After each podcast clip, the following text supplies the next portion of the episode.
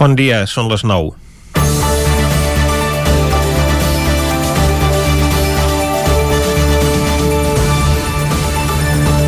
El Ripollès, juntament amb les comarques de l'Alt Pirineu i l'Aran, va participar ahir en una reunió telemàtica on una seixantena d'alcaldes i presidents comarcals van consensuar un manifest on reclamen un tracte diferenciat de protecció civil. En la línia que expressava dimarts el nostre programa el president del Consell Comarcal del Ripollès, Joaquim Colomer, aquests territoris amb una baixa densitat de població consideren que els protocols s'estableixen amb mentalitat metropolitana i que no es respecta la seva idiosincràsia. Les seves proclames es dirigeixen també al govern de la Generalitat, també a l'espanyol i al francès, pel caràcter transfronterer d'aquestes comarques. A Catalunya ja hi ha una associació de micropobles que reuneix municipis de menys de 500 habitants per fer sentir la seva veu i reclamar les seves necessitats específiques. La majoria d'ells estan en comarques de muntanya i estan lluny d'arribar a aquesta xifra d'habitants. Gairebé a diari, per accedir a les necessitats més bàsiques, han de sortir del poble i encara que en aquests moments se'ls permeti fer-ho, el confinament municipal perd tot el sentit per la seva dependència comarcal. El centralisme en la presa de decisions durant la pandèmia ha estat una constant. S'ha estat condescendent en Barcelona quan el desconfinament es feia per regions sanitàries, independentment del que aconsellessin els índexs epidemiològics metropolitans, i la pròpia alcaldessa de la ciutat estava al davant de les proclames de reobertura. Quan han volgut sortir de la ciutat a escampar la boira se'ls ha permès i quan el confinament es redueix a l'àmbit municipal ja es dona per fet que aquest no es respectarà a Barcelona. Ningú pot controlar al suburbà que els passatgers no canviïn de municipi de la mateixa manera que no hi ha cap vigilància a Collblanc, on una banda de la vorera és a Barcelona i l'altra a l'Hospitalet, o a Badalona, on a l'altre cantó del carrer ja pot ser que sigui Sant Adrià o Santa Coloma, per posar alguns exemples. A les grans ciutats i en aquest estadi de confinament municipal que de moment ja s'ha allargat una setmana més, la gent té totes les necessitats cobertes, des de les més elementals fins a les lúdiques o culturals que tenen permesa l'obertura amb limitacions. En canvi, als pobles la situació és molt diferent en funció també de la seva dimensió. Hi pot haver establiments que se'ls permet obrir però que sense la presència de visitants no són viables. D'altres potser no estan en condicions d'oferir tots els serveis que la gent necessita. En qualsevol població petita o mitjana que els caps de setmana hagin de tancar botigues de productes no essencials no té cap sentit perquè mai s'hi produeixen aglomeracions. I ja no parlem d'anar al cine o al teatre que només ho poden fer aquells que viuen en poblacions on gaudeixen d'aquests equipaments. I encara gràcies perquè cada cop són més els que van limitant els horaris horaris d'obertura. Comencem Territori 17 a la sintonia del 9 FM, Ràdio Cardedeu, La Veu de Sant Joan, Ona Codinenca i el 9 TV. Territori 17, amb Vicenç Vigues i Jordi Sunyer.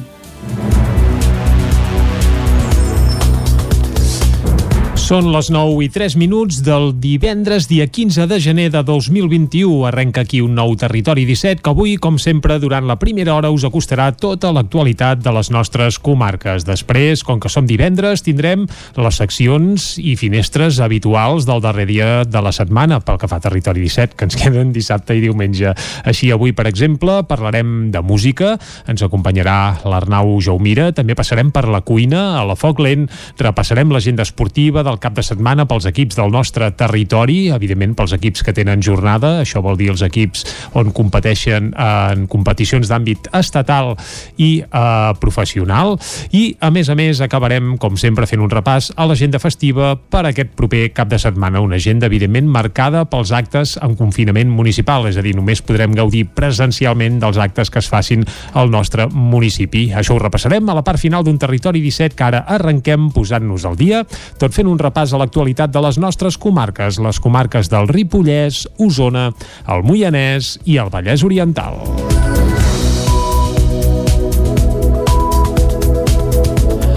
Les mesures vigents a Catalunya per reduir els contagis de coronavirus s'allargaran 7 dies més, fins al 24 de gener.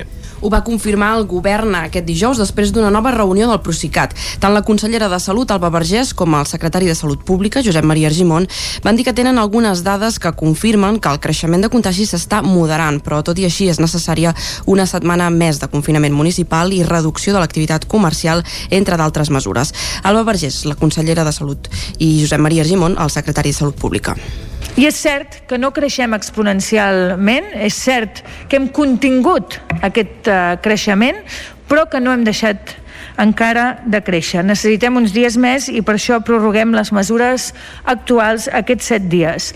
Tot això, d'alguna manera, com dic, invita a pensar, invita a aquest moderat optimisme, a pensar que segurament doncs a finals de setmana, començaments de la setmana que ve, aquesta situació de fre doncs la, la, la podrem aconseguir i també aquesta és una de les raons per les que tenim aquesta pròrroga de 7 dies o aquest eh, eh, allargament de 7 dies més de les, de les mesures. L'enduriment de les mesures forma part d'un nou paquet de restriccions que va entrar en vigor el passat 7 de gener i que també inclou el tancament de les grans superfícies comercials i els gimnasos, a més de la suspensió de les activitats extraescolars que no es porten a terme als centres educatius. Es vacunen 82 persones entre residents i treballadors de la Fundació Emma, després de declarar-se residència verda. Isaac Muntades, des de la veu de Sant Joan. Després del brot de Covid-19 que va esclatar el passat 3 de desembre a la Fundació Emma de Sant Joan de les Abadeses, des d'aquest dimarts a la tarda ja és oficialment una residència verda perquè es va acabar l'aïllament d'un resident que havia estat en contacte d'un positiu. Per aquest motiu, aquest dijous a dos quarts d'onze del matí va començar la vacunació a la residència. En total es va administrar el vaccí a 82 persones, als 43 residents que hi viuen i a 39 dels 49 treballadors, un 80% de la plantilla. N'hi ha 6 que encara estan de baixa i es vacunaran quan tornin i un que ja ho ha fet i treballa en una altra residència. Cal recordar que aquest brot brot de coronavirus va afectar 33 residents, dels quals 10 van morir i a 14 treballadors. La directora de la Fundació Emma, Mònica Rebollo, va detallar el patiment i la duresa dels primers dies del brot. Els primers dies van ser els més, els més complicats, tot i que ja havíem reforçat l'equip i, i teníem contractades persones de més, perquè bueno, preveiem que això es podria donar i volíem tenir la gent ja preparada i formada, però els primers dies van ser complicats perquè va ser quan més volum de baixes vam tenir. I també realment quan més feina doncs, a l'hora de, de sectoritzar la residència, de fer canvis d'habitacions, bueno, de desinfectar, bueno, necessitàvem tenir a, tothom molt disponible. El que és que vam tenir la sort de, de trobar gent que tot i saber, saber que els estàvem contractant perquè, perquè teníem aquest brot, pues, van estar disposats a venir a treballar, de fet alguns encara hi són i ens han pogut donar suport aquests dies. I... Rebollo deia que tothom ho havia donat tot i s'havia buidat en donar la millor atenció als avis. Per exemple, en el cas del personal d'infermeria hi era cada dia, hi havia personal que havia treballat durant 12 dies seguits sense cap dia de descans. A banda de les defuncions, Rebollo relatava el més dur que han viscut al llarg d'aquest mes i mig. Veure els residents tancats a les seves habitacions tants dies, que, que ho entenien, eh? ha estat curiós perquè tot i alguna persona amb demència i algunes persones amb trastorns, la majoria han entès que s'havien de quedar i són molts dies, estar un mes tancat amb, amb quatre parets en una habitació. Ha estat dur doncs, veure no? que dia a dia anaven sortint positius, que no teníem no? aquests períodes d'incubació amb unes persones tan curts, amb altres persones tan llargs. bueno, pues, pues que arribaves un dia que deies, bueno, sembla que ja la cosa es tranquil·litza i dos dies després pues, et tornava a sortir un altre cas positiu. Rebollo va agrair l'ajuda de la brigada municipal, de l'Ajuntament i el suport de les famílies o dels grellers que van fer un concert per Nadal a fora del centre. Actualment, des de la Fundació ja han començat a donar hores a algunes famílies per visitar els seus avis. Avui la residència L'Àlamo serà la segona de Caldes de Montbui en rebre les primeres dosis de la vacuna. Caral Campàs, des d'Ona Codinenca. El passat diumenge, la residència El Álamo, situada a la urbanització de Can Valls, va informar a través de les seves xarxes socials que ja havia rebut la notificació per vacunar els seus usuaris. En concret, la sessió per administrar la primera dosi de Pfizer es durà a terme aquest divendres. Aquesta jornada de vacunacions serà sis dies després que ho fes la residència Santa Susana. Aquesta va ser la primera del municipi a vacunar. Concretament, es va administrar la vacuna al 92% de les persones usuàries de la Fundació d'Acollida i el 60% del personal que hi treballa. La direcció de Santa Susana va rebre l'avís de la primera sessió de vacunació només un dia i mig abans de dur-la a terme i ara caldrà esperar 21 dies per poder administrar la segona dosi a aquelles persones que ja han rebut la primera. Durant aquest temps s'està realitzant un seguiment dels símptomes per poder detectar quins són els efectes de la vacuna. Com comentàvem, les darreres mesures aprovades pel Procicat s'allargaran almenys una setmana més. Un dels sectors afectats per aquesta pròrroga és el dels extraescolars que continuen amb les portes tancades i fent classes en línia. Maria Cinta Benavarre fa 37 anys que va obrir l'escola de dansa a Súria i 33 a Manlleu. Des de llavors mai s'havia trobat en una situació similar. Des del passat 7 de gener, amb les darreres mesures del Procicat per frenar la pandèmia, les activitats extraescolars han hagut de tornar a tancar les portes i el sector està indignat amb el retorn dels nens i les nenes a les aules, però sense que ells puguin obrir. Això no es pot aguantar ni econòmicament ni es pot aguantar de cap manera. Llavors, perquè una escola, les escoles sí, els col·legis, hi han centres educatius que també poden obrir si són de la Generalitat, però una escola privada no. També som un centre educatiu, vull dir, si s'ha de tancar, doncs tot, tot. Però tot vull dir tot. Fem com al març, ho tanquem tot i ens estem un mes i mig, o un mes, però tot. Però aquestes mitges coses de tu sí, tu no, el que va creant és un, saps, una confusió a tothom i un malestar increïble. Aquesta és la tercera vegada que es tanquen les activitats extraescolars i que Benavarre decideix fer classes en línia. Tot i això, els ànims han anat decaient. Jo crec que ara hi és un desànim de professorat, d'alumnes, de tothom. I tot i això els alumnes se't tornen a connectar i ho tornes a fer. Però és... Què més pots fer amb una persona que té una cadira, un menjador de dos metres quadrats, amb un terra que el que pot fer és perjudicar-se, amb connexions que no van, és que no es pot ensenyar dansa online. Benavarre denuncia que tot i complir amb totes les mesures que se'ls demanen, hi hagi centres com l'Institut del Teatre on es deixa fer classe de dansa però no a la seva aula. El tancament li fa perdre alumnes cada dia, repartits en grups d'edat. Actualment 70 alumnes fan classe a Manlleu i 45 a Súria. La resta continuen fent-ho des del menjador de casa. El músic manlleuenc Guillem Roma ha denunciat públicament el robatori que ell i el seu equip van patir a finals de desembre durant la gravació del seu últim videoclip. A través d'una piulada dilluns, Guillem Roma denunciava públicament el robatori que ell i el seu equip van patir a finals de desembre durant la gravació del seu últim videoclip. I apareix una fotografia del cotxe amb els vidres trencats i part de l'equip efectuant la denúncia als Mossos d'Esquadra. Segons Roma, en el furt els haurien sostret càmeres i part d'objectes personals dels músics i ballarins que participaven en el rodatge. Doncs mira, teníem eh, les motxilles dels ballarins amb, el, amb mòbils, carteres, claus, maletes amb roba, coses d'aquestes que, que són irrecuperables perquè hi havia, no sé, un noi que s'havia comprat dues jaquetes al Japó que les havia estat buscant durant anys. Clar, aquelles jaquetes, eh, xau. Eh, així de valor material doncs hi havia la meva càmera que ja estem parlant de 2.500 euros.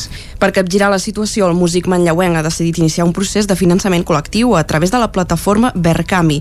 Tot i marcar-se l'objectiu de recuperar 2.000 euros per poder pagar part dels objectes robats la resposta del públic ha superat totes les expectatives. I realment la resposta ha estat brutal. O sigui, tant a nivell de de col·laboracions i aportacions al Verkami que han superat ja l'objectiu que havíem, que havíem posat inicialment uh, fins a mostres de, de carinyo, d'empatia, missatges, gent compartint-ho les xarxes, impressionant. Dimarts es farà públic el primer senzill del nou disc de Roma que veurà la llum al mes de març. Dijous, malgrat l'ensurt, sortirà el videoclip. Veïns de Llinars del Vallès es queixen per l'elevat preu de les factures des que la gestió és municipal. David Oladell, de Ràdio Televisió, Cardedeu. L'any 2020 l'Ajuntament de Llinars va acabar el contracte amb l'empresa Sorea i Aigües de Llinars va assumir-ne la gestió de manera municipalitzada. Després d'aquest canvi durant tot el primer any, molts veïns han fet públiques les seves queixes per l'alt cost de les factures. Algunes arriben a superar els 280 euros mensuals. Alguns dels veïns han fet reclamacions formalment i se'ls ha retornat l'import de les factures, però algunes no són errònies. L'Ajuntament alega que fins ara Sorea feia una lectura aproximada de l'aigua i facturava una mitjana mensual. Ara l'Ajuntament fa la lectura exacta de l'aigua en un any anterior des de la seva gestió. En aquesta diferència de la lectura mal feta es deu la diferència de cost i demanen paciència per a la regularització. Alguns dels veïns han convocat una concentració amb mesures de seguretat per fer mediàtic el fet davant l'Ajuntament avui a la tarda i han fet arribar les queixes al síndic de Greuges. A més, aquest any també hi ha hagut queixes pels talls de subministrament en rebentar algunes canonades de la població. En aquest cas, l'Ajuntament està en tràmits legals perquè Sorea no va fer el manteniment que li tocava per contracte els últims 5 anys i l'Ajuntament està assumint ara el mal estat de la xarxa d'aigua.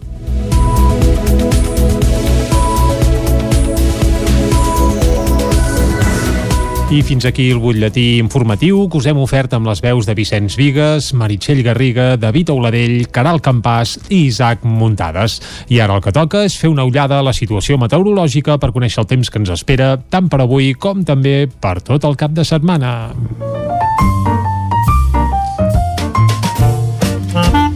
Casa Terradellos us ofereix el temps. I qui ens acostarà al temps és el Pep Acosta. Pep, molt bon dia. Hola, molt bon dia. I molt bona hora. Ja som divendres, Correcte. per fi divendres, mm -hmm. ja estem a les portes del cap de setmana i ja estem a les portes de saber quin temps farà aquests pròxims dies. De moment hi ha molt poques novetats, hi ha un anticicló molt ferm, més o menys a, les, a la zona de les Azores, el típic anticicló de les i ja està bé, ja està bé, es veu que s'hi vol quedar uns quants dies, i és que aquí s'hi està bastant bé, eh? aquí no, no ens podem queixar, eh, estem força bé, Uh, tot i que, bueno, uh, cada vegada hi ha països que s'està millor i aquí anem perdent cada vegada més coses, però bueno, uh, si està bé, si està bé. Uh, anem, anem pel temps, anem pel temps, que m'he perdut una mica. Doncs això, l'anticicló, si està bé, és ferm, és potent, és gran, i hi haurà pocs canvis. L'únic canvi aquesta nit és una mica de, de front que ha passat eh, fregant el Pirineu. Ha portat vent, cops de 90-100 km per hora als pics més alts del Pirineu, a Baitero Núria, per exemple, 80-90 km per hora. Déu-n'hi-do, quina ventada. I això ha fet que no hi hagi tanta inversió tèrmica. Per exemple, la mínima a Baiter ha sigut de 6 sota 0, a Núria 3, 4, 0 uh, ha fet això, eh, una mica d'entrada d'aire fred a les capes més altes uh -huh. uh, aquesta aquesta no inversió tèrmica no durarà gaire, eh? només ha sigut aquesta nit, uh, també tenim mínimes d'un sota 0 Calç de Montbui, 0 graus a Puigdesolles, són mínimes ja normals per l'època de l'any, eh, la temperatura s'ha normalitzat, no és tan freda ni molt menys com ara fa una setmana. Avui serà un dia tranquil, hi haurà hagut núvol cap al Pirineu, molt poca cosa, les temperatures màximes molt semblants a les d'ahir. La majoria entre els 8 i els 13 graus. Demà dissabte, molta tranquil·litat, molt de sol, el vent haurà fluixat uh -huh. I les boires, eh, amb el vent d'avui han marxat gairebé totes. A partir de demà, com que l'anticicló tornarà més ferm a aposentar, les boires tornaran a ser protagonistes. I la inversió tèrmica també. A les valls tornar a fer més fred que no pas a alta muntanya. Tot i que, tot i que, mm, com que fa dies que no hi ha ara mm, entrada d'aire fred, les temperatures no baixaran tant, eh? Seran, eh, seran nits més o menys molt normals per l'època de l'any, les mínimes 2, 3 sota 0, a tot estirar, i demà dissabte també serà un dia eh, amb unes temperatures màximes entre els 8 i els 13 graus, molt normalitzades, molt normals per a l'època de l'any, com deia. I diumenge, més del mateix, anticicló, anticicló i anticicló, molts Carai. pocs canvis, uh mhm. -huh. quatre núvols prims en alguna zona, Uh, vents molt variables, molt febles, res a veure amb aquesta nit, que ha bufat, com deia, bastant al, al Pirineu, i mo molts pocs canvis. No, continuem amb aquesta tònica ara d'anticicló, uh, va bastant per llarg, no, no hi veig uh, gaires canvis, i és el que ens toca. Uh, és molt normal, eh, com he dit aquests dies, que hi hagi anticicló al mes de gener, uh, normalment uh, és molt potent i molt gran l'anticicló en aquestes dates i si està bastants, bastants dies. Moltes gràcies i bon cap de setmana. Adéu. Ah, Pep, moltes gràcies a tu, bon cap de setmana i escolta, Vicenç, millor que tenir, tenir un anticicló d'aquests que no pas que arribi una altra glòria, com va passar el gener passat. Oh, i tant, que, que va fer mal. Bé, I a més va fer, exacte, molt de mal, no només a territori 17, sinó arreu del Principat, sobretot a les Terres de l'Ebre. Doncs fet aquest apunt meteorològic, ara el que ens toca és anar cap al quiosc per fer un repàs a les portades de la premsa d'avui. Uh, I anem de seguida. Casa Tarradellas us ha ofert aquest espai.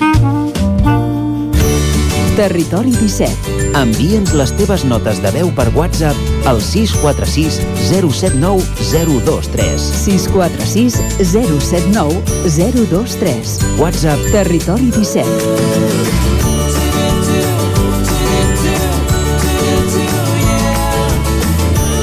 Territori 17 som a Facebook, Twitter i Instagram amb l'usuari Territori 17.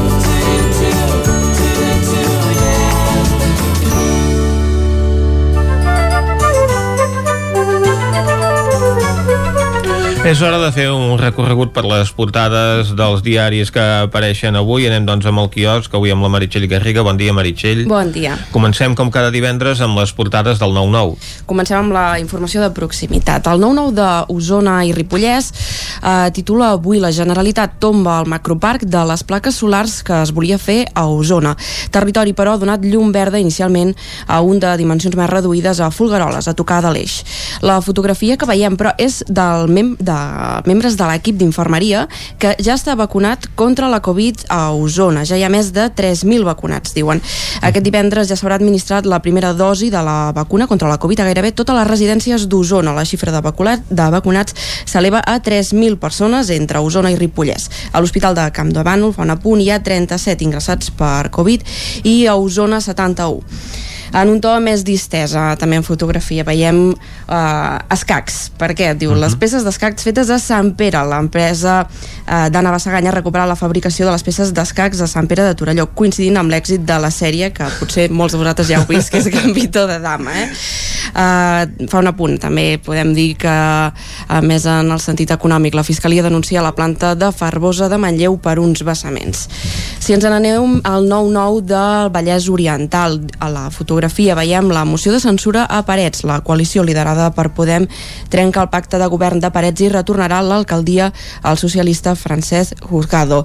Uh, titular, però, l'Hospital de Granollers ajorna una de cada quatre operacions per la pressió dels casos de Covid. Diu el centre sanitari i assegura que les proves diagnòstiques i les consultes no es veuran pas afectades amb aquesta mesura que prenen. Eh?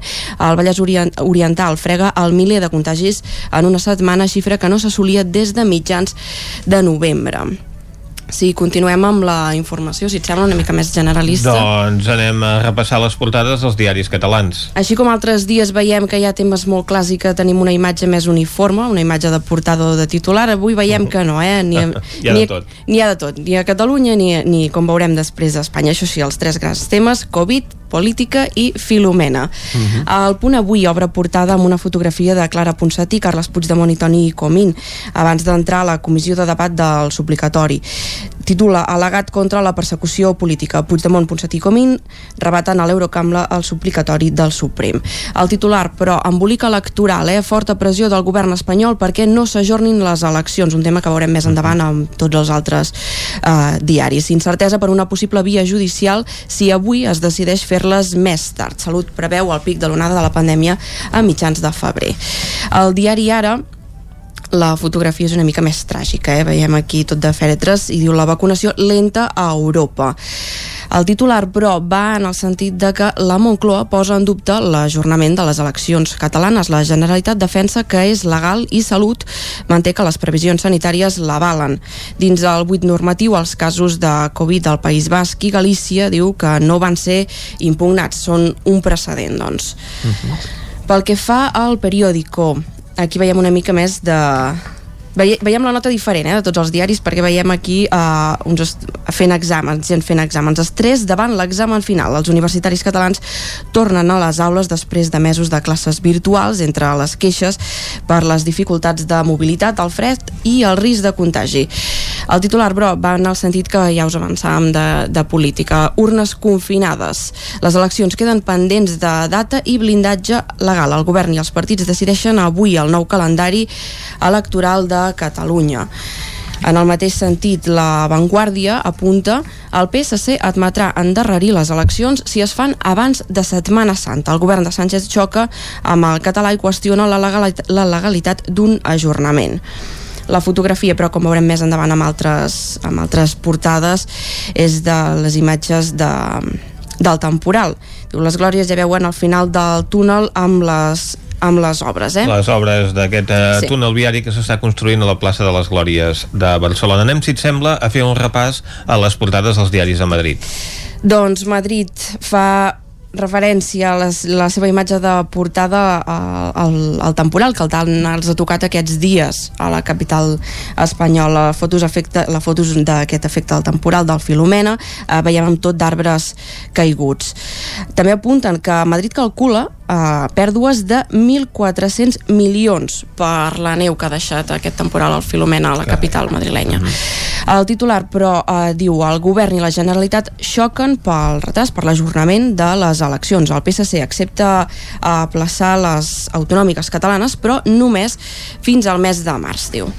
Uh, una altra portada, uh, El Mundo diu Illa veta els confinaments davant les eleccions catalanes. Ho fa perquè diu cinc comunitats van demanar el confinament i sanitat s'hi va negar. El govern va demanar proposar, la, va aplaçar aquestes eleccions al maig, però el PSC diu accepta retrasar-les un mes per tal de no diluir l'efecte d'Illa. Uh, també veiem en portada les UCI uh, una altra vegada en, situ en situació límit, eh? un titular que tornarem a veure ara en la portada del, del diari ABC. Diu les UCI uh, en risc extrem amb les autonomies diu desemparades. Diverses comunitats sense armes per frenar la tercera onada demanen al govern un confinament estricte.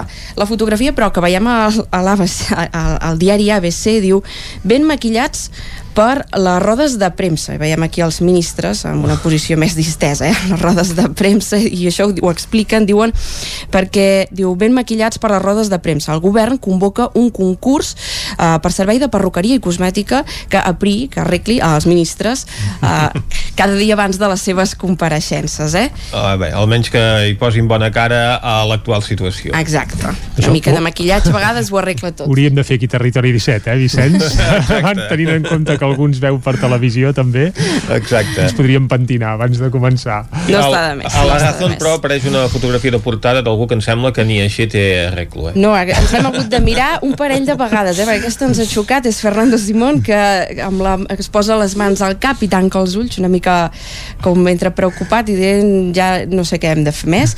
Diu, el titular que hi posen a baix, la cita que diu és ara ja no és necessari ara mateix no és necessari el confinament, perquè sabíem que passaria. Doncs acabem aquí amb aquest eh, repàs a les portades d'avui, aquest bloc informatiu.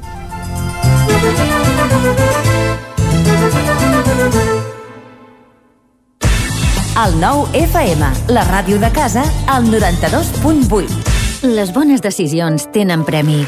I és que si té una caldera Vaillant, està d'enhorabona. Vaillant li ofereix fins a 15 anys de cobertura total, amb la revisió obligatòria inclosa. Informis a Oficiat Nord trucant al 93 886 0040. Amb el servei tècnic oficial de Vaillant, la seva caldera estarà en les millors mans. Anuncia't al 9FM. La màquina de casa. 9 3 8 8 9 4 9 4 9. Publicitat arroba al 9FM.cat. Anuncia't al 9FM. La publicitat més eficaç. Són temps de reptes. És per això que des de la Fogonera en tenim 3. Servir arrossos d'estrella per emportar i a un preu de justícia. I ara tasta els nostres menús per empreses, per Nadal i per Cap d'Any, fàcil, segur i boníssims. La cuina en directe des de GURB, on encarregues, ho vens a buscar i ara també t'ho portem a casa. La Fogonera, la rosseria de paelles per emportar a GURB. Telèfon 93 851 55 75. lafogonera.cat i quan cau la nit, pupurri culinari. Solucions per divendres i dissabte nit. Pizza, burgers i molt més. Entra a pupurriculinari.cat i tria. Hi ha una màgia que no té truc. És la màgia de compartir una estona amb algú i parlar-hi. Vols practicar el català o ajudar algú a parlar-lo? Apunta't al Voluntariat per la Llengua, al programa de les parelles lingüístiques a vxl.cat. Perquè quan parles, fas màgia. Generalitat de Catalunya, 100 milions i mig de futurs. Cobertes serveis funeraris. Els nostres tanatoris estan ubicats en els nuclis urbans més poblats de la comarca d'Osona per oferir un millor servei. Tanatori de Vic, Tanatori de Manlleu, Tanatori de Centelles i Tanatori de Roda de Ter. Sabem que són moments difícils i per això el nostre compromís és atendre-us en tot moment amb un tracte humà, sensible i respectuós. Cobertes serveis funeraris. Telèfon 24 hores 93 883 23 46. Estudi fotogràfic. Nosaltres et lloguem el plató amb tot tipus de decorats i tu fas les fotos per només 18 euros l'hora. Per comunions, aniversaris, bucs, embarassades, nounats, suport rotatiu per fer vídeos de TikTok i molt més. Per Sant Valentí regala un val per només 18 euros i tindràs un bon record fotogràfic. Ens trobaràs al carrer de Sant Tomàs 4 de Call d'Atenes al telèfon 640 56 0310 i també a Instagram i a Facebook.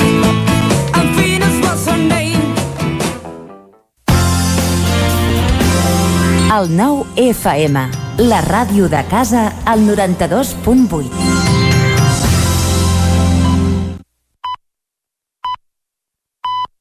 Territori 17, amb Vicenç Vigues i Jordi Sunyer.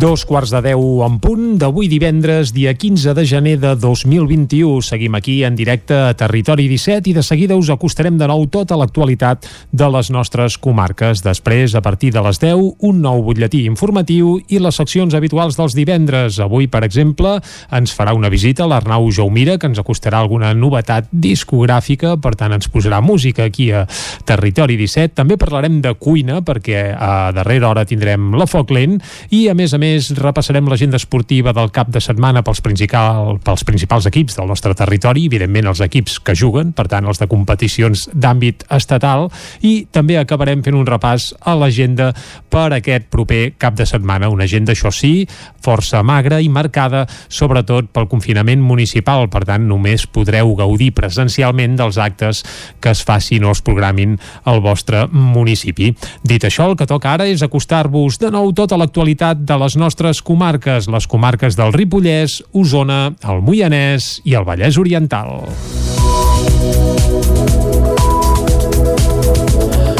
Les mesures vigents a Catalunya per reduir els contagis de coronavirus s'allargaran 7 dies més, fins al 24 de gener. Ho va confirmar el govern aquest dijous després d'una nova reunió del Procicat. Tant la consellera de Salut, Alba Vergés, com el secretari de Salut Pública, Josep Maria Argimon, van dir que tenen algunes dades que confirmen que el creixement de contagis s'està moderant, però tot i així és necessària una setmana més de confinament municipal i reducció de l'activitat comercial, entre d'altres mesures. Alba Vergés, la consellera de Salut, i Josep Maria Argimon, el secretari de Salut Pública. I és cert que no creixem exponencialment, és cert que hem contingut aquest uh, creixement, però que no hem deixat encara de créixer. Necessitem uns dies més i per això prorroguem les mesures actuals aquests set dies. Tot això, d'alguna manera, com dic, invita a pensar, invita a aquest moderat optimisme, a pensar que segurament doncs a finals de setmana, a començaments de la setmana que ve, aquesta situació de fre doncs la, la, la podrem aconseguir i també aquesta és una de les raons per les que tenim aquesta pròrroga de 7 dies o aquest eh, eh allargament de 7 dies més de les, de les mesures. L'enduriment de les mesures forma part d'un nou paquet de restriccions que va entrar en vigor el passat 7 de gener i que també inclou el tancament de les grans superfícies comercials i els gimnasos, a més de la suspensió de les activitats extraescolars que no es porten a terme als centres educatius. Es vacunen 82 persones entre residents i treballadors de la Fundació Emma, després de declarar-se residència verda. Isaac Muntades, des de la veu de Sant Joan. Després del brot de Covid-19 que va esclatar el passat 3 de desembre a la Fundació Emma de Sant Joan de les Abadeses, des d'aquest dimarts a la tarda ja és oficialment una residència verda perquè es va acabar l'aïllament d'un resident que havia estat en contacte d'un positiu. Per aquest motiu, aquest dijous a dos quarts d'onze del matí va començar la vacunació a la residència. En total es va administrar el vaccí a 82 persones, als 43 residents que hi viuen i a 39 dels 49 treballadors, un 80% de la plantilla. N'hi ha 6 que encara estan de baixa i es vacunaran quan tornin i un que ja ho ha fet i treballa en una altra residència. Cal recordar que aquest brot de coronavirus va afectar 33 residents, dels quals 10 van morir i a 14 treballadors. La directora de la Fundació Emma, Mònica Rebollo, va detallar el patiment i la duresa dels primers dies del brot. Els primers dies van ser els més, els més complicats, tot i que ja havíem reforçat l'equip i, i teníem contractades persones de més, perquè bueno, preveiem que això es podria donar i volíem tenir la gent ja preparada i formada, però els primers dies van ser complicats perquè va ser quan més volum de baixes van tenir. I també realment quan més feina doncs, a l'hora de, de sectoritzar la residència, de fer canvis d'habitacions, bueno, de pogués infectar, bueno, necessitàvem tenir a, tothom molt disponible. El que és que vam tenir la sort de,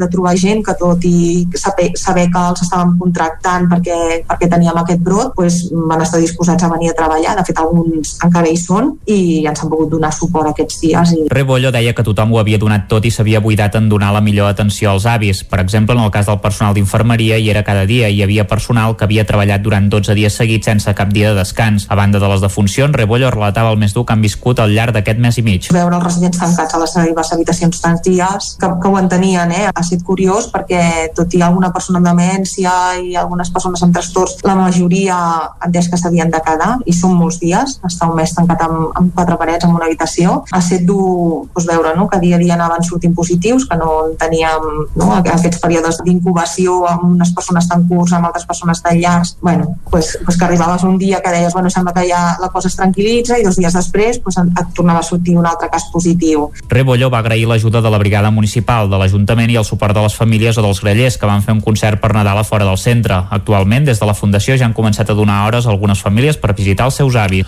Avui la residència L'Àlamo serà la segona de Caldes de Montbui en rebre les primeres dosis de la vacuna. Caral Campàs, des d'Ona Codinenca. El passat diumenge, la residència El Álamo, situada a la urbanització de Can Valls, va informar a través de les seves xarxes socials que ja havia rebut la notificació per vacunar els seus usuaris. En concret, la sessió per administrar la primera dosi de Pfizer es durà a terme aquest divendres.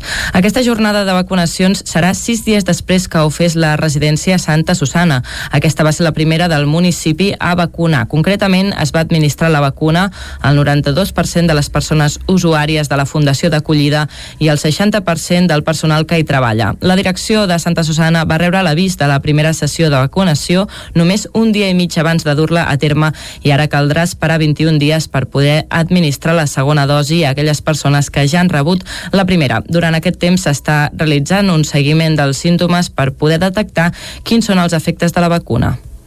Com comentàvem, les darreres mesures aprovades pel Procicat s'allargaran almenys una setmana més. Un dels sectors afectats per aquesta pròrroga és el dels extraescolars que continuen amb les portes tancades i fent classes en línia. Maria Cinta Benavarre fa 37 anys que va obrir l'escola de dansa a Súria i 33 a Manlleu. Des de llavors mai s'havia trobat en una situació similar.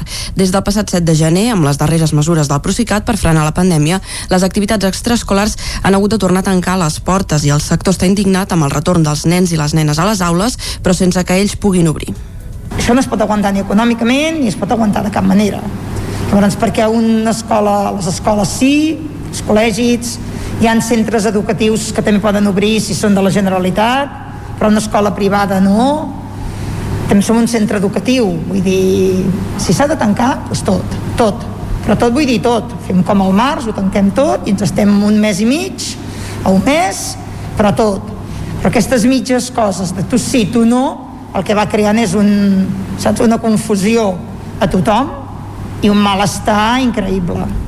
Aquesta és la tercera vegada que es tanquen les activitats extraescolars i que Benavarre decideix fer classes en línia. Tot i això, els ànims han anat decaient. Jo crec que ara hi és un desànim de professorat, d'alumnes, de tothom. I tot i això els alumnes se't tornen a connectar i ho tornes a fer, però és... Què més pots fer amb una persona que té una cadira, un menjador de dos metres quadrats, amb un terra que el que pot fer és perjudicar-se, amb connexions que no van, és que no es pot ensenyar dansa online. Benavarre denuncia que tot i complir amb totes les mesures que se'ls demanen hi hagi centres com l'Institut del Teatre on es deixa fer classe de dansa però no a la seva aula. El tancament li fa perdre alumnes cada dia, repartits en grups d'edat. Actualment 70 alumnes fan classe a Manlleu i 45 a Súria. La resta continuen fent-ho des del menjador de casa. El músic manlleuenc Guillem Romà ha denunciat públicament el robatori que ell i el seu equip van patir a finals de desembre durant la gravació del seu últim videoclip. A través d'una piulada dilluns, Guillem Roma denunciava públicament el robatori que ell i el seu equip van patir a finals de desembre durant la gravació del seu últim videoclip. Hi apareix una fotografia del cotxe amb els vidres trencats i part de l'equip efectuant la denúncia als Mossos d'Esquadra. Segons Roma, en el furt els haurien sostret càmeres i part d'objectes personals dels músics i ballarins que participaven en el rodatge. Doncs mira, teníem eh, les motxilles dels ballarins amb, el, amb mòbils, carteres, claus, maletes amb roba, coses d'aquestes que, que són irrecuperables perquè hi havia, no sé, un noi que s'havia comprat dues jaquetes al Japó que les havia estat buscant durant anys. Clar, aquelles jaquetes, eh, xau Eh, així de valor material doncs hi havia la meva càmera que ja estem parlant de 2.500 euros Per capgirar la situació, el músic manlleuenc ha decidit iniciar un procés de finançament col·lectiu a través de la plataforma Verkami. Tot i marcar-se l'objectiu de recuperar 2.000 euros per poder pagar part dels objectes robats, la resposta del públic ha superat totes les expectatives. i realment la resposta ha estat brutal o sigui, tant a nivell de de col·laboracions i aportacions al Verkami que han superat ja l'objectiu que havíem, que havíem posat inicialment. Uh, fins a mostres de, de carinyo, d'empatia, missatges, gent compartint-ho les xarxes impressionant. Dimarts es farà públic el primer senzill del nou disc de Roma que veurà la llum al mes de març. Dijous, malgrat l'ensurt, sortirà el videoclip. Veïns de Llinars del Vallès es queixen per l'elevat preu de les factures des que la gestió és municipal. David Oladell, de Ràdio Televisió, Cardedeu. L'any 2020 l'Ajuntament de Llinars va acabar el contracte amb l'empresa Sorea i Aigües de Llinars va assumir-ne la gestió de manera municipalitzada. Després d'aquest canvi, durant tot el primer any, molts veïns han fet públiques les seves queixes per l'alt cost de les factures. Algunes arriben a superar els 280 euros mensuals. Alguns dels veïns han fet reclamacions formalment i se'ls ha retornat l'import de les factures, però algunes no són errònies. L'Ajuntament alega que fins ara Sorea feia una lectura aproximada de l'aigua i facturava una mitjana mensual. Ara l'Ajuntament fa la lectura exacta de l'aigua en un any anterior des de la seva gestió. En aquesta diferència de la lectura mal feta es deu la diferència de cost i demanen paciència per a la regularització. Alguns dels veïns han convocat una concentració amb mesures de seguretat per fer mediàtic el fet davant l'Ajuntament avui a la tarda i han fet arribar les queixes al síndic de Greuges. A més, aquest any també hi ha hagut queixes pels talls de subministrament en rebentar algunes canonades de la població. En aquest cas, l'Ajuntament està en tràmits legals perquè Sorea no va fer el manteniment que li tocava per contracte els últims 5 anys i l'Ajuntament està assumint ara el mal estat de la xarxa d'aigua.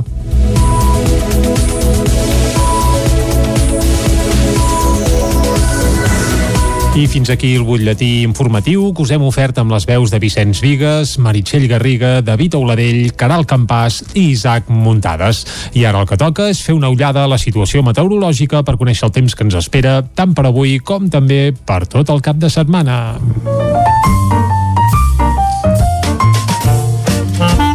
Casa Terradellos us ofereix el temps. I qui ens acostarà al temps és el Pep Acosta. Pep, molt bon dia. Hola, molt bon dia. I molt bona hora. Ja som divendres, Correcte. per fi divendres, mm -hmm. ja estem a les portes del cap de setmana i ja estem a les portes de saber quin temps farà aquests pròxims dies. De moment hi ha molt poques novetats, hi ha un anticicló molt ferm, més o menys a, les, a la zona de les Açores, el típic anticicló de les Açores, i ja està bé, ja està bé, eh, es veu que s'hi vol quedar uns quants dies, i és que aquí s'hi està bastant bé, eh? aquí no, no ens podem queixar, eh, estem força bé, eh, tot i que, bueno, eh, cada vegada hi ha països que s'està millor i aquí anem perdent cada vegada més coses, però bueno, uh, si està bé, si està bé. Uh, anem, anem pel temps, anem pel temps, que m'he perdut una mica. Doncs això, l'anticicló, si està bé, és, ferm, és potent, és gran, i hi haurà pocs canvis. L'únic canvi aquesta nit és una mica de, de front que ha passat eh, fregant el Pirineu. Ha portat vent, cops de 90-100 km per hora als pics més alts del Pirineu, a Baitero Núria, per exemple, 80-90 km per hora. Déu-n'hi-do, quina ventada. I això ha fet que no hi hagi tanta inversió tèrmica. Per exemple, la mínima a Baiter ha sigut de 6 sota 0, a Núria 3, 4 sota 0. Uh, ha fet això, eh? una mica d'entrada d'aire fred a les capes més altes. Uh -huh. uh, aquesta aquesta no inversió tèrmica no durarà gaire, eh? només ha sigut aquesta nit. Uh, també tenim mínimes d'un sota 0 graus a Montbui 0 graus a Puigdesolles són mínimes ja normals per l'època de l'any. Uh, la temperatura s'ha normalitzat no és tan freda ni molt menys com ara fa una setmana. Avui serà un dia tranquil hi haurà algun núvol cap al Pirineu molt poca cosa, les temperatures màximes molt semblants a les d'ahir. La majoria entre els 8 i els 13 graus. Demà dissabte, molta tranquil·litat, molt de sol, el vent haurà fluixat uh -huh. i les boires, eh, amb el vent d'avui, eh, han marxat gairebé totes. A partir de demà, com que l'anticicló es tornarà eh, més ferm a aposentar, les boires tornaran a ser protagonistes. I la inversió tèrmica també. A les valls tornar a fer més fred que no pas a alta muntanya. Tot i que, tot i que, mm, com que fa dies que no hi ha ara mm, entrada d'aire fred, les temperatures no baixaran tant, eh? Seran, eh, seran nits més o menys molt normals per l'època de l'any, les mínimes 2, 3 sota 0, a tot estirar, i demà dissabte també serà un dia eh, amb unes temperatures màximes entre els 8 i els 13 graus, molt normalitzades, molt normals per a l'època de l'any, com deia. I diumenge, més del mateix, anticicló, anticicló i anticicló, molts Carai. pocs canvis, uh -huh. quatre núvols prims en alguna zona, uh, vents molt variables, molt febles, res a veure amb aquesta nit, que ha bufat, com deia, bastant al, al, al Pirineu, i mo molts pocs canvis, no continuem amb aquesta tònica ara d'anticicló, uh -huh. uh, va bastant per llarg, no, no hi veig uh, gaires canvis, i és el que ens toca. Uh, és molt normal, eh, com he dit aquests dies que hi hagi anticicló al mes de gener. Eh, normalment eh, és molt potent i molt gran l'anticicló en aquestes dates i s'hi està bastants, bastants dies. Moltes gràcies i bon cap de setmana. Adéu. Ah, Pep, moltes gràcies a tu, bon cap de setmana i escolta, Vicenç, millor que tenir, tenir un anticicló d'aquests que no pas que arribi una altra glòria, com va passar el gener passat. Oh, i tant, que, que va fer mal. Bé, I a més va fer exacte molt de mal, no només a territori 17, sinó arreu del Principat, sobretot a les Terres de l'Ebre. Doncs fet aquest apunt meteorològic, ara el que ens toca és anar cap al quiosc per fer un repàs a les portades de la premsa d'avui. Uh, I anem de seguida. Casa Tarradellas us ha ofert aquest espai. Territori 17. Envia'ns les teves notes de veu per WhatsApp al 646 079 023. 646 079 023. WhatsApp Territori 17.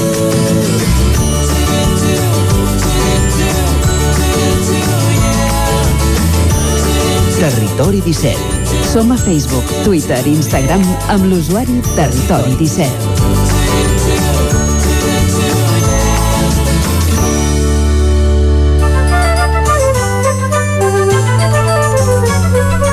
És hora de fer un recorregut per les portades dels diaris que apareixen avui. Anem doncs amb el quiosc, avui amb la Meritxell Garriga. Bon dia, Meritxell. Bon dia. Comencem com cada divendres amb les portades del 9-9. Comencem amb la informació de proximitat. El 9-9 d'Osona i Ripollès eh, titula avui la Generalitat tomba el macroparc de les plaques solars que es volia fer a Osona. Territori, però, ha donat llum verda inicialment a un de dimensions més reduïdes a Fulgaroles, a tocar de l'eix. La fotografia que veiem, però, és del mem de membres de l'equip d'infermeria que ja està vacunat contra la Covid a Osona. Ja hi ha més de 3.000 vacunats, diuen. Aquest divendres ja s'haurà administrat la primera dosi de la vacuna contra la Covid a gairebé totes les residències d'Osona. La xifra de, vacunat, de vacunats s'eleva a 3.000 persones entre Osona i Ripollès. A l'Hospital de Camp de Bànol, fa un apunt, hi ha 37 ingressats per Covid i a Osona 71. En un to més distesa, també en fotografia, veiem eh, escacs. Per què? Diu, uh -huh. les peces d'escacs fetes a Sant Pere. L'empresa eh, d'Anna Bassaganya ha recuperat la fabricació de les peces d'escacs a Sant Pere de Torelló, coincidint amb l'èxit de la sèrie, que potser molts de vosaltres ja heu vist, que és Gambito de Dama. Eh? Uh, fa un apunt, també podem dir que, a més en el sentit econòmic, la Fiscalia denuncia la planta de Farbosa de Manlleu per uns vessaments. Si ens n'anem al 9-9 del Vallès Oriental, a la fotografia veiem la moció de censura a Parets. La coalició liderada per Podem trenca el pacte de govern de Parets i retornarà l'alcaldia al socialista Francesc Juzgado.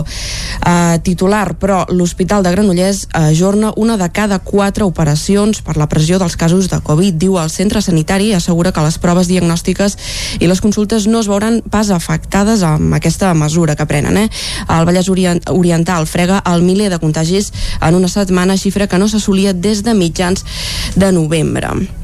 Sí, continuem amb la informació, si et sembla una mica més generalista. Doncs anem a repassar les portades dels diaris catalans. Així com altres dies veiem que hi ha temes molt clars i que tenim una imatge més uniforme, una imatge de portada o de titular, avui veiem que no, eh? Ni, Hi ha de ni, tot. Ni hi ha de tot, ni a Catalunya ni, ni com veurem després a Espanya. Això sí, els tres grans temes, Covid, política i Filomena. Uh -huh. El punt avui obre portada amb una fotografia de Clara Ponsatí, Carles Puigdemont i Toni Comín, abans d'entrar a la comissió de debat del suplicatori.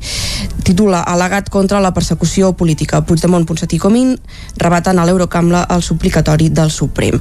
El titular, però, embolica electoral, eh? forta pressió del govern espanyol perquè no s'ajornin les eleccions, un tema que veurem més endavant amb tots els altres eh, diaris. Incertesa per una possible via judicial si avui es decideix fer-les més tard. Salut preveu el pic de l'onada de la pandèmia a mitjans de febrer. El diari Ara la fotografia és una mica més tràgica, eh? veiem aquí tot de fèretres i diu la vacunació lenta a Europa. El titular, però, va en el sentit de que la Moncloa posa en dubte l'ajornament de les eleccions catalanes. La Generalitat defensa que és legal i Salut manté que les previsions sanitàries l'avalen. Dins el buit normatiu, els casos de Covid al País Basc i Galícia diu que no van ser impugnats. Són un precedent, doncs. Pel que fa al periòdico, aquí veiem una mica més de Veie, veiem la nota diferent eh, de tots els diaris perquè veiem aquí uh, uns fent exàmens, gent fent exàmens estrès davant l'examen final. Els universitaris catalans tornen a les aules després de mesos de classes virtuals entre les queixes per les dificultats de mobilitat, el fred i el risc de contagi. El titular, però, va en el sentit que ja us avançàvem de, de política. Urnes confinades. Les eleccions queden pendents de data i blindatge legal. El govern i els partits decideixen avui el nou calendari electoral de Catalunya. En el mateix sentit, la Vanguardia apunta el PSC admetrà endarrerir les eleccions si es fan abans de Setmana Santa. El govern de Sánchez xoca amb el català i qüestiona la legalitat, la legalitat d'un ajornament. La fotografia, però, com veurem més endavant amb altres, amb altres portades, és de les imatges de, del temporal. Diu, les glòries ja veuen al final del túnel amb les, amb les obres, eh? Les obres d'aquest eh, Sí. túnel viari que s'està construint a la plaça de les Glòries de Barcelona. Anem, si et sembla, a fer un repàs a les portades dels diaris de Madrid. Doncs Madrid fa referència a les, la seva imatge de portada al, al, al temporal que el tant els ha tocat aquests dies a la capital espanyola fotos efecte, la fotos d'aquest efecte del temporal del Filomena eh, veiem amb tot d'arbres caiguts també apunten que Madrid calcula eh, pèrdues de 1.400 milions per la neu que ha deixat aquest temporal al Filomena a la capital madrilenya el titular, però, eh, diu el govern i la Generalitat xoquen pel retras, per l'ajornament de les eleccions. El PSC accepta eh, aplaçar les autonòmiques catalanes, però només fins al mes de març, diu. Eh, una altra portada, eh, El Mundo diu Illa veta els confinaments davant les eleccions catalanes. Ho fa perquè diu cinc comunitats van demanar el confinament i sanitat s'hi va negar. El govern va demanar proposar, la, va aplaçar aquestes eleccions al maig, però el PSC diu accepta retrasar-les un mes per tal de no diluir l'efecte d'illa.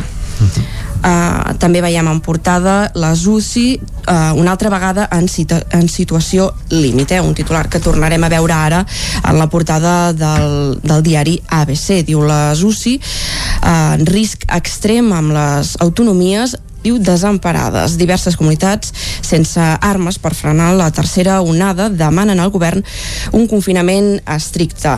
La fotografia, però, que veiem al, al, diari ABC diu ben maquillats per les rodes de premsa. I veiem aquí els ministres en una posició més distesa, eh? les rodes de premsa, i això ho, ho expliquen, diuen, perquè diu ben maquillats per les rodes de premsa. El govern convoca un concurs eh, per servei de perruqueria i cosmètica que apri, que arregli als ministres eh, cada dia abans de les seves compareixences, eh? Uh, bé, almenys que hi posin bona cara a l'actual situació. Exacte. Una mica de maquillatge a vegades ho arregla tot. Hauríem de fer aquí Territori 17, eh, Vicenç? Tenint en compte que alguns veu per televisió també.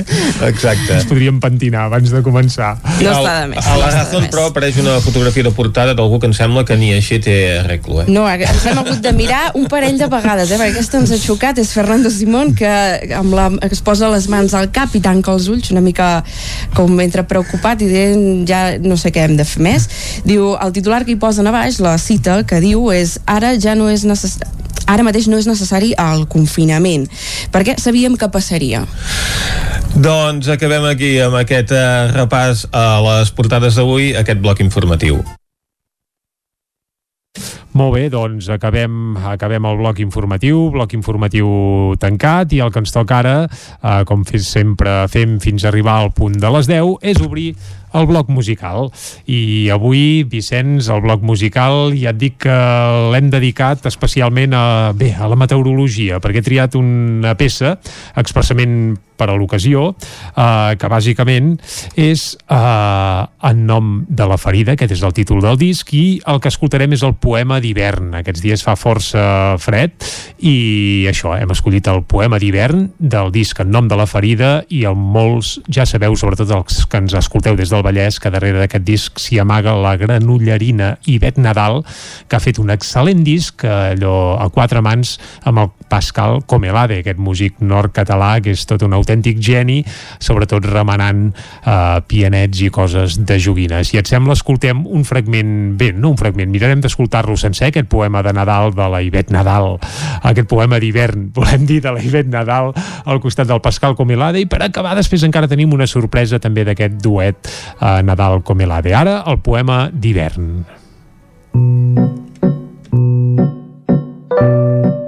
Vaig mirar set vegades en dos minuts buscant si venies gràcia amunt o gràcia avall. I va ser entre els senars i els parells quan et vaig veure travessar corrents. El sol anava a tota màquina i jo que tenia tantes ganes de la poca llum, per poc que pugui, i vam compartir el primer cafè que ja era el meu tercer i vaig dir-te doncs perdona però jo el que tinc és una alegria trista i tu veig que vens amb el millor somriure. La benvinguda era de museu per exposar-la i no tocar-la. I si plau que ningú faci cap fotografia. Homer diu que quan dos homes fan via plegats un hi veu més que l'altre i de seguida els dos hem entrat en un combat on l'horitzó es dibuixa però no serà mai pintat. Circula entre la gent el mal caduc i ara que és l'hora en punt faig reunir tots els sentiments i els hi dic ei mireu, espereu, espereu. És veritat que m'heu enxampat però doneu-me una oportunitat de més. A mesura que et miro perdo una mica més de vista i ja no sé si et miro del dret o del revés. Si aquesta història és abstracta o és sols una lletra de més. Som dins l'aigua i no duem res. El blau és tan transparent que si em mires em veuràs el secret. Porto una ampolla de vi dolç que ens farà tocar l'infern. I ara ja sé els ulls que vull, els ulls que vull tenir i els que vull veure venir. Els vaig descobrir entre una cançó d'en Jackson quan en Puntí a mi em feia el pi posi'm en una altra i de fresca, que avui després de sopar ens n'anem de gresca. Ja ens queden lluny les bicicletes, els qui tenen pressa. Estem sembrant una tempesta perquè som molt fidels a la conquesta. I en un estat ja més notable, concentrats en si el món és boig, brindem i em diu somriu, somriu. S'estreny la vista de la ciutat i els nostres llavis es traginen l'aire i el fan anar com un jersei desbocat que em fan ensenyar l'espatlla. Enric, dona'm un vers de més, que se m'ha esparregat la nit. Corre, que tinc pressa, que ja em punteja la tristesa. I així, com qui pronuncia una vocal, em vaig quedar quieta, fent l'ofici de mim. Rebobino, poso la cinta zero i premo play. Signo tots els pactes per fer tard, per fer ballar els interrogants i em poso un barret perquè no se'm vegi que normalment faig el distret. Doncs així sona el poema d'hivern, una de les peces que hi ha incloses en el disc En nom de la ferida, el darrer treball de la gran ullerina Ivet Nadal, que ha fet al costat de Pascal Comelade, un, un treball molt aconsellable, on s'hi mescla poesia i música. I ara, per arribar al punt de les 10, escoltarem una de les peces més singulars que hi ha en aquest treball. Eh, es titula Has vist la pluja, però resulta que tot plegat, eh, si pareu bé l'orella ho descobrireu de seguida, és una versió de la Creedence Clearwater, aquesta formació nord-americana que és tot un clàssic, doncs passada pels sedars del Pascal Comelade i de la Ivet Nadal i en català sona de la manera que escoltareu ara mateix. Per tant, escoltem Has vist la pluja d'aquest disc molt i molt aconsellable en nom de la ferida. Si encara no el teniu, fitxeu-lo. Tens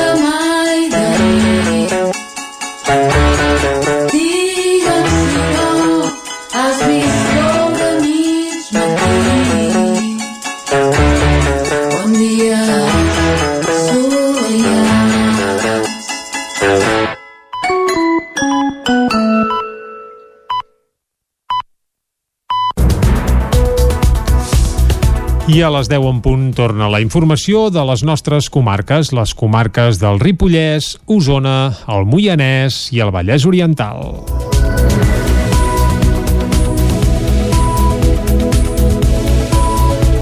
s'obre la convocatòria al Ripollès i a la Cerdanya per rebre les ajudes dels sectors del turisme, el comerç i la restauració. Isaac Muntades, des de la veu de Sant Joan. Després d'uns dies d'incertesa i de fer-se esperar, aquest dijous a les 9 del matí es va obrir la convocatòria per sol·licitar les subvencions per valor de 4,3 milions d'euros al comerç, restauració, sector serveis i sector turístic del Ripollès i la Cerdanya afectats per la Covid-19 i que van veure la seva activitat perjudicada pel tancament perimetral de les dues comarques del passat 22 de desembre fins al 6 de gener. El coordinador de l'àrea d'empresa de l'Agència de Desenvolupament del Ripollès, Joan Pere Sallarès, va recordar que hi ha dues línies d'ajuts, una pel comerç al detall, la restauració i els autònoms, en què hi entren una sèrie de serveis assimilats com tallers mecànics de fotografia, copisteria, reparacions, tintoreries, perruqueries o serveis de menjar preparat i una altra línia destinada a les empreses del sector turístic. En principi, tots els comerços rebrien un import de 1.500 euros, mentre que per la restauració en serien 3.000, uns diners que en alguns casos poden no ser suficients. I són aquests imports els que rebria cada un dels establiments sense tenir en compte realment la facturació que han deixat de facturar o el que han arribat a perdre durant tot aquest període. Aquest és un dels problemes que a diferents reunions s'han plantejat i que tothom veu molt clar, no? Segurament el bar petit portat per només una persona que a més ho porta ell, que només treballa ell, doncs segurament aquests 3.000 seran molt benvinguts i li poden ajudar d'una manera important i a tenir en compte, però que sí que és veritat que doncs, parlem d'un restaurant que tingui 5, 7, 8, 9 treballadors, les neveres plenes fins dalt, amb unes dimensions una mica considerables, doncs no cal dir que si li donen 3.000 euros, doncs amb aquests 3.000 euros en alguns casos doncs, bàsicament no cobreix o cobreix només una part de l'estructura fixa que pugui tenir l'empresa empresa, però queda molta cosa que no pot arribar a assumir. En el cas del sector turístic se'n veuran beneficiats els guies de turisme de Catalunya habilitats i guies de muntanya i les agències de viatges amb 1.500 euros. Es donarien 7.500 euros als explotadors d'habitatges d'ús turístic i als establiments i entitats d'interès turístic, com podrien ser les escoles d'esquí o persones que es dediquin a la promoció del senderisme, el cicloturisme o l'enoturisme, mentre que els titulars d'establiments d'allotjament turístic rebran 10.000 euros. Sallarès va reiterar que això pot beneficiar establiments petits com hotels amb dues habitacions, però per altres potser només serveix per pagar la factura de la llum i poc més. Tot i això, hi ha empreses i treballadors que s'han quedat fora de les ajudes i també tenen molta afectació. Distribuïdors de begudes, qualsevol distribuïdors que poden tenir el Ripollès i que realment porten els seus productes a restaurants. La majoria d'aquests es consideren majoristes. Els ser majoristes ja no entren dintre cap de les dues línies que puguin haver-hi. Et trobes una gent que realment, si parles amb ells, han, han tingut una pèrdua de facturació molt important perquè no deixa de ser que tots els seus clients són restaurants, però en canvi no poden demanar ni l'ajut de comerç ni l'ajut del sector turístic perquè les bases no hi entrarien dintre d'aquesta tipologia. Des de l'agència van recordar que els comerços que van presentar-se a les convocatòries per rebre compensacions a l'abril i a l'octubre ja se'ls atorgarà automàticament sense demanar-ho perquè consten a la base de dades. Pels qui no, han de tenir el certificat digital o fer-ho a través de l'IDESCAT. Amb aquest segon mètode, Sallarès va assegurar que si es va de pressa es tarda un quart d'hora en planar-ho tot com a màxim. En les darreres dues setmanes ja han contestat una trentena de trucades per resoldre dubtes i esperen haver-ne d'atendre en més els pròxims dies. Queixes de l'Ajuntament del Brull per la presència de visitants amb el confinament municipal vigent a l'entorn de Collformic, on aquest dijous encara es feien tasques de neteja per acabar de retirar la neu. Aquest dijous al matí a dos quarts d'onze a l'aparcament de Collformic hi havia vuit cotxes estacionats. De fet, segons l'alcalde del Brull, Ferran Teixidor, la presència constant de vehicles ha impedit que es pugui netejar del tot el pàrquing on encara hi havia neu i gel. La nevada del cap de setmana, que va deixar 30 centímetres de neu als punts més elevats i congestes de fins a un metre provocades pel vent, ha continuat portant visitants a la zona durant la setmana, malgrat el confinament municipal vigent. Ferran Teixidor sobretot prudència de la gent que faci confinament, que és el que s'ha de fer, i anar al matacall ja hi serà a temps l'hivern que ve si convé, que no passa res. Ja entenc que la gent necessita, però és que no podem netejar ni l'aparcament de Collformic. La presència de cotxes aparcats a la carretera ha dificultat en alguns casos la neteja de l'accés als camins que porten a les cases disseminades d'aquesta zona. L'alcalde també es queixa que la retirada de la neu a la BB-5301, que encara continuava aquest dijous als vorals, no va tenir en compte les entrades als camins. El Brull forma part del Parc Natural del Montseny. Teixidor és molt crític amb la Diputació, que gestiona el parc, i amb el pla de mobilitat que es va activar a la tardor per evitar la massificació eh, tenim un pla de mobilitat que van fer Diputació sense consensuar-lo, ens el van presentar i jo no vaig assistir a la reunió perquè no em va semblar la manera fet des d'un despatx a Barcelona Uh, avui també és un tema de mobilitat, aquests dies també és un tema de mobilitat. Eh? Quan carreteres neteja la carretera ens tapa els accessos als veïns. Ens tapa els accessos, per tant, a part dels 30 centímetres ens n'hi fot un metro. Vale?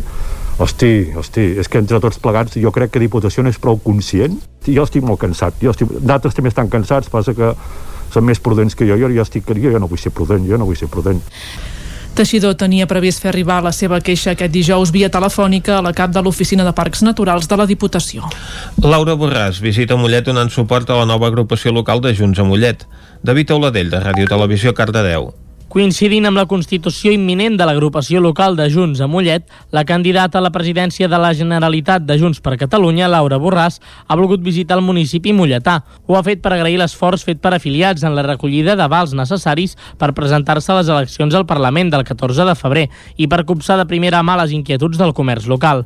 Laura Borràs, candidata de Junts per Catalunya a la presidència de la Generalitat. Ens interessa ser allà al costat de la gent que en aquests moments està passant per moltes dificultats com a conseqüència de la crisi derivada de la Covid, que no és una crisi econòmica com les anteriors, les empreses són perfectament viables, el problema és que no poden exercir les seves, eh, les seves feines perquè justament hi ha les mesures sanitàries decretades. Sobre la possibilitat que les eleccions al Parlament del 14 de febrer s'acabin ajornant, Borràs ha apel·lat a la decisió que determinin els experts. Laura Borràs. Nosaltres per celebrar celebrar-les, les eleccions, hi som. Estem a punt i tenim, eh, com dic, l'absoluta convicció de que cal eh, que es pugui dur a terme aquest procés electoral, però també cal poder-ho fer amb garanties. I el que preservarem és uh, justament la importància d'aquestes dos, dues qüestions per damunt dels uh, interessos electorals de partit. Nosaltres treballem per al país, no per, uh, en aquest cas, una victòria de partit. Junts a Mollet es va organitzar com a partit el passat mes de juliol i a dia d'avui ja compta amb una cinquantena de simpatitzants i una dotzena de socis. El grup es constituirà de forma oficial aquesta mateixa setmana i la molletana Olga Vilaseca en serà la líder. El músic manlleuenc Guillem Romà ha denunciat públicament el robatori que ell i el seu equip van patir a finals de desembre durant la gravació del seu últim videoclip. A través d'una piulada, dilluns Guillem Roma denunciava públicament el robatori que ell i el seu equip van patir a finals de desembre i apareix una fotografia del cotxe amb els vidres trencats i part de l'equip efectuant la denúncia als Mossos d'Esquadra. Segons Roma, en el furt els haurien sostret càmeres i part dels objectes personals dels músics i ballarins que participaven al rodatge. Doncs mira, teníem eh, les motxilles dels ballarins amb, el, amb mòbils, carteres, claus, maletes amb roba, coses d'aquestes que, que són irrecuperables perquè hi havia, no sé, un noi que s'havia comprat dues jaquetes al Japó que les havia estat buscant durant anys. Clar, aquelles jaquetes, eh, xau. Eh, i així de valor material doncs hi havia la meva càmera que ja estem parlant de 2.500 euros Per capgirar la situació, el músic manlleuenc ha decidit iniciar un procés de finançament col·lectiu a través de la plataforma Barcami. Tot i marcar-se l'objectiu de recuperar 2.000 euros per poder pagar part dels objectes robats, la resposta del públic ha superat totes les seves expectatives. I realment la resposta ha estat brutal. O sigui, tant a nivell de de col·laboracions i aportacions al Verkami que han superat ja l'objectiu que havíem, que havíem posat inicialment uh, fins a mostres de, de carinyo, d'empatia, missatges, gent compartint-ho les xarxes, impressionant. Dimarts es farà públic el primer senzill del nou disc de Guillem Roma que veurà la llum al mes de març. Dijous, malgrat l'ensurt, sortirà el videoclip. A Caldes de Montbui, Cararac Verd, una entitat de defensa del territori i ecologista, reapareix amb un article on resumeix la seva activitat des de l'esclat de la pandèmia. Caral Campàs, des d'Ona Codinenca. La Plataforma Ciutadana per la Recuperació de l'Entorn Natural de Can Cararac ha publicat un article després de mesos sense donar senyals de vida. Aquest col·lectiu es va formar l'any 2019 per denunciar els abocaments impropis que l'empresa GDP Recycling estava donant a terme a la zona de Can Cararac, un paratge natural de Caldes. A més, posteriorment, la companyia va ser sancionada i instada a aturar la seva activitat en diverses ocasions i va traslladar els seus abocaments a altres espais dels entorns de la vila. Totes aquestes actuacions irregulars, d'acord amb l'actual pla d'ordenació d'ordenació urbanística municipal han, han sigut denunciades per Cararac Verd, que aquesta setmana ha fet públic un nou comunicat. En aquest cas, els membres del col·lectiu expliquen que després de mesos sense fer-ho, el passat 16 de novembre es van poder reunir amb l'Ajuntament. En la trobada, els representants del col·lectiu van demanar quin era l'estat de l'expedient dels abocaments irregulars de GDP Recycling. Segons informen en l'article publicat aquest dimecres, el consistori no tenia coneixement de si l'empresa havia pagat les multes que se li havien imposat ni de l'estat amb què es trobaven les al·legacions que havien presentat. Recentment, GDP ha presentat un projecte de pla especial d'urbanisme per la seva zona d'actuació per obtenir l'aprovació i la llicència municipal. En aquest sentit, Cararac Verd conclouen que els seus membres seguiran de prop l'anàlisi que l'Ajuntament pugui fer d'aquest pla. Arracades de Ballaner. Així es titula l'últim llibre de la gurbatana Montse Oms, una novel·la que aquest estiu va portar a l'escriptora a recollir el Premi de Narrativa Infantil i Juvenil Guillem Cifré de Colònia. El llibre es basa en el personatge de l'Elisa, una nena de 7 anys, i la seva mascota, una guineu domesticada.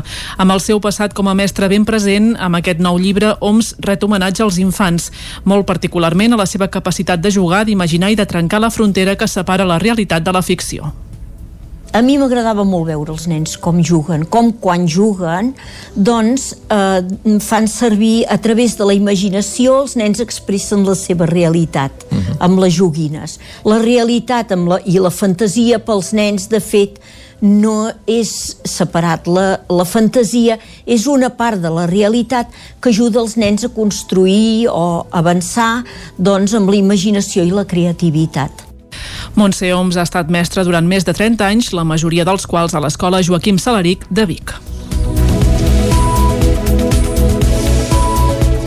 I fins aquí el butlletí informatiu de les 10 del matí que us hem ofert amb les veus de Vicenç Vigues, Natàlia Peix, David Auladell, Caral Campàs i Isaac Muntades.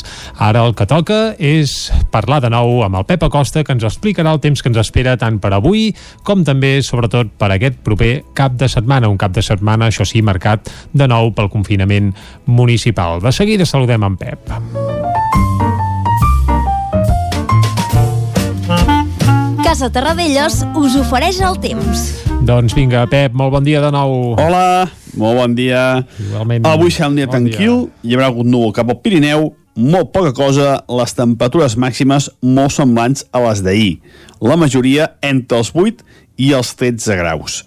Demà dissabte, molta tranquil·litat, molt de sol, el vent haurà fluixat i les boires, eh, amb el vent d'avui han marxat gairebé totes. A partir de demà, com que l'anticicló tornarà eh, més ferm a aposentar, les boires tornaran a ser protagonistes. I la inversió tèrmica també. A les valls tornar a fer més fred que no pas a alta muntanya. Tot i que, tot i que, mm, com que fa dies que no hi ha ara mm, entrada d'aire fred, les temperatures no baixaran tant, eh? Seran, eh, seran nits més o menys molt normals per l'època de l'any, les mínimes 2-3 sota 0 a tot estirar. I demà dissabte també serà un dia eh, amb unes temperatures màximes entre els 8 i els 13 graus, molt normalitzades, molt normals per a l'època de l'any, com deia. I diumenge, més del mateix, anticicló, anticicló i anticicló, molts pocs canvis, mm, quatre núvols prims en alguna zona, uh, vents molt variables, molt febles, eh, res a veure amb aquesta nit, que ha bufat, com deia, bastant el, el, Pirineu, i mo molts pocs canvis, no, continuem amb aquesta tònica ara d'anticicló, uh, va bastant per llarg, no, no hi veig uh, gaires canvis, i és el que ens toca. Uh, és molt normal, eh, com he dit aquests dies que hi hagi anticicló uh -huh. al mes de gener. Uh, normalment uh, és molt potent i molt gran l'anticicló en aquestes dates i si està bastants, bastants dies. Moltes gràcies i bon cap de setmana. Vinga, Adéu. Igualment, Pep, moltes gràcies, bon cap de setmana i bé, ja ens dius que en tenim per dies d'anticicló, una situació, evidentment, bastant habitual al mes de gener, on bé, és un dels mesos normalment més eixuts de tot el calendari anual. Per tant, tampoc seria gaire estrany que ens passéssim una setmana més, Vicent, sense... Bé, anava a dir sense precipitacions, però clar, en el cas, per exemple, de la Plana, amb la boira pixanera, algú es va recollint, eh? Bé, pixanera o gebradora, perquè en alguns casos ho ha deixat tot emblanquinat avui al matí. I precisament eh, tenim temperatures, eh, Vicenç, també? Mm -hmm. Efectivament.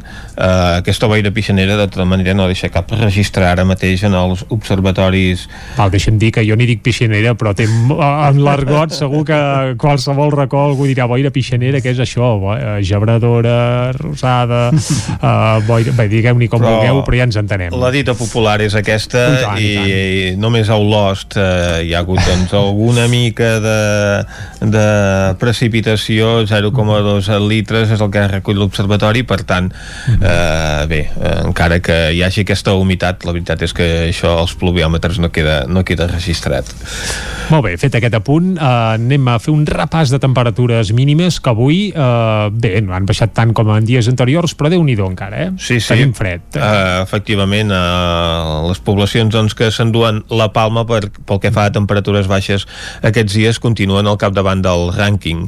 Um, Rupit de nou, el lloc on ha fet més fred. Sis... Per cert, deixa'm dir que hi anirem avui a Rupit, eh? Ah, hi a anirem. Territori 17, sí, perquè a la Foc Lent, no ho hem explicat abans, però a la Foc Lent d'avui anirem fins a Rupit per conèixer com s'ho maneguen amb el confinament municipal doncs els restauradors que hi ha enfilats a Rupit, que són uns quants, eh? I parlarem concretament amb la gent del Coll, uh -huh. un restaurant molt aconsellable, eh, amb ells parlarem de la situació i també ens aconsellaran algun, algun plat, sobretot per escalfar-nos aquests dies de tant de fred i això, perquè no ens afecti la fredurada. Fet aquest apunt, seguim, seguim, Vicenç, que et havia torbat a mig repàs de temperatures, eh? Doncs 6,7 graus negatius a Rupit, és la població on ha baixat més el termòmetre avui. I eh, si continuem doncs, amb aquest rànquing també trobarem poblacions que aquests dies hi feia molt de fred que continuen doncs, si fa no fa. Muntanyola, Espinelves, l'Esquirol, Perafita i Sant Sadurní d'Usurmort el termòmetre ha baixat a 5 graus negatius avui. Mm -hmm. 4 graus negatius a Viladrau, a Ceba, a Collsospina, a Orís, a Sant Pau de Segúries, a Montesquiu. Hi ha punts encara, fins i tot del Vallès, on hi continuen havent eh, doncs, temperatures negatives, com a Caldes de Montbui, per exemple, on avui el termòmetre doncs, ha baixat als 3 graus negatius i per ara tampoc ha pujat gaire més. Bé, a Caldes tenen la sort que l'aigua no se'ls hi congela, perquè que surt calenta, per si- molt fred que faci. Si tenen fred poden anar a la font, això segur. Exacte. Sí, sí. Uh, altres punts, doncs, on ha baixat el termòmetre a Núria dos graus negatius, és aquest efecte que dèiem i que ja hem vist els últims dies, que fa doncs, més fred a les fondalades que no als punts elevats. Uh, Puigdesolles, mig grau negatiu. A Molló s'han quedat amb un grau positiu. A Planoles, amb 4 graus positius de temperatura mínima. Mm -hmm. i a Tagamanent 3 graus positius és la temperatura mínima, per tant a les fondalades doncs, hi continua havent aquest eh, fenomen que fa que el fred no marxi i malgrat que hi hagi anticicló, malgrat que en alguns punts doncs, es vegi el sol i escalfi i continua havent temperatures molt baixes. Molt bé, fet aquest repàs de temperatures, ara farem una breu pausa i de seguida parlarem del Dakar, que s'acaba avui. Bé, concretament diria que ara mateix s'està acabant, eh? En parlarem de seguida i sabrem com els hi ha anat o com els hi està anant els pilots de casa a la participació a, segurament, o el que diuen que és el rally més dur del món. Abans, però, fem un apunt eh, vols, perquè la Caral Campàs ens acaba d'avisar de quina és la temperatura de l'aigua de Caldes, a veure si l'encertes. Uf, no, no, no, no l'encertaria pas, no en tinc ni idea, però ho, hi havia posat la malla sota alguna vegada i m'escaldava, per tant, no, diria no, que no 60-70 graus segur, eh? 74. 74, bufa. uh, molt bé, això sí que és un apunt interessant. I tant. doncs vinga, ara que ja sabem la temperatura de l'aigua de Caldes, uh, fem una breu pausa i uh, ens capbussem a parlar del Rally Dakar. Fins ara mateix. Casa Tarradellas us ha ofert aquest espai. Territori 17. Envia'ns les teves notes de veu per WhatsApp al 646 079 023. 646 079 023. WhatsApp Territori 17.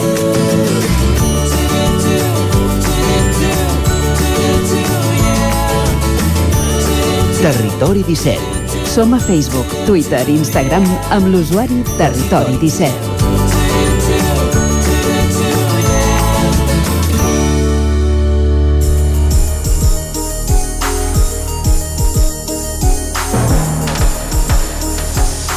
Passen 4 minuts d'un quart d'onze del matí, Vicenç, i el que farem ara en aquest punt és fer, com bé dèiem abans, un repàs a com els estan anant els pilots de casa nostra, de Territori 17, el Rally París-Dakar, que està a punt d'acabar. Volíem comunicar en directe amb algun mm. d'ells, però de moment tenim problemes de connexió. Suposo que el tema telefònic amb l'Aràbia no acaba d'anar bé, o, o en tot cas va com la R3 d'aquí, per exemple. Ah, exacte. Uh, si podem fer-ho, ho farem de seguida, però com està anant, Vicenç? Hi ha algun problema, efectivament, perquè molts d'aquests participants, doncs, amb les seves targetes eh, de telèfon mòbil ens estan tenint problemes i eh, hi ha moments doncs, que la connexió no és, no és precisament doncs, eh, fàcil d'establir, fins i tot amb les pròpies doncs, companyies locals d'allà. Si fos possible n'anirem parlant i, i connectarem en directe amb el Rally de Caro i tenim una bona representació tant eh, d'Osona com eh, del Vallès en aquesta prova, ja no només de participants, també de mecànics, assessors d'equips, etc etc etc. Hi ha moltíssima gent que hi està col·laborant, només els noms que anem sentint aquests dies en una cursa que ja està decidida la categoria de motos. Avui en aquesta última etapa es feien 200 quilòmetres, l'han retallada un 10% aproximadament de la distància doncs, que estava prevista, 200 quilòmetres cronometrats en, el, en aquesta última etapa i a la categoria de motos doncs, ja han acabat i per tant ja s'ha decidit qui és el guanyador. I no, qui és? no hi ha hagut sorpreses. Bé, cal dir que En l'únic usonenc, bé, o l'única usonenca o l'únic de, bé, pilot de territori 17 que hi havia era la Laia Sanz, precisament, eh? amb una eh, digna posició la Laia Sanz, tenint en compte que hi ha anat doncs, aquest any marmada de forces i d'entrenament per aquesta malaltia de l'any que va patir al llarg d'aquest any per la picada doncs, d'una paparra i això va fer que es trobés malament fins que li van eh, trobar què és el que tenia però és clar no ha pogut entrenar tot el que hagués volgut tampoc està en les condicions físiques més òptimes per afrontar una cursa d'aquestes característiques i Laia Sant en aquestes condicions doncs, ha intentat ser prudent i aconseguir una cosa que realment té molt mèrit. Que és ac- acabar, i els ha acabat tots. Ah, aquí està. Tots els Dakars on ha participat eh, ha passat per la línia de meta final i això és, vaja, un mèrit que està a l'abast de cap pilot i de cap, eh, bé, ni Sí, mascle senyor. ni femella, és una cosa pràcticament inaudita, eh? Exactament.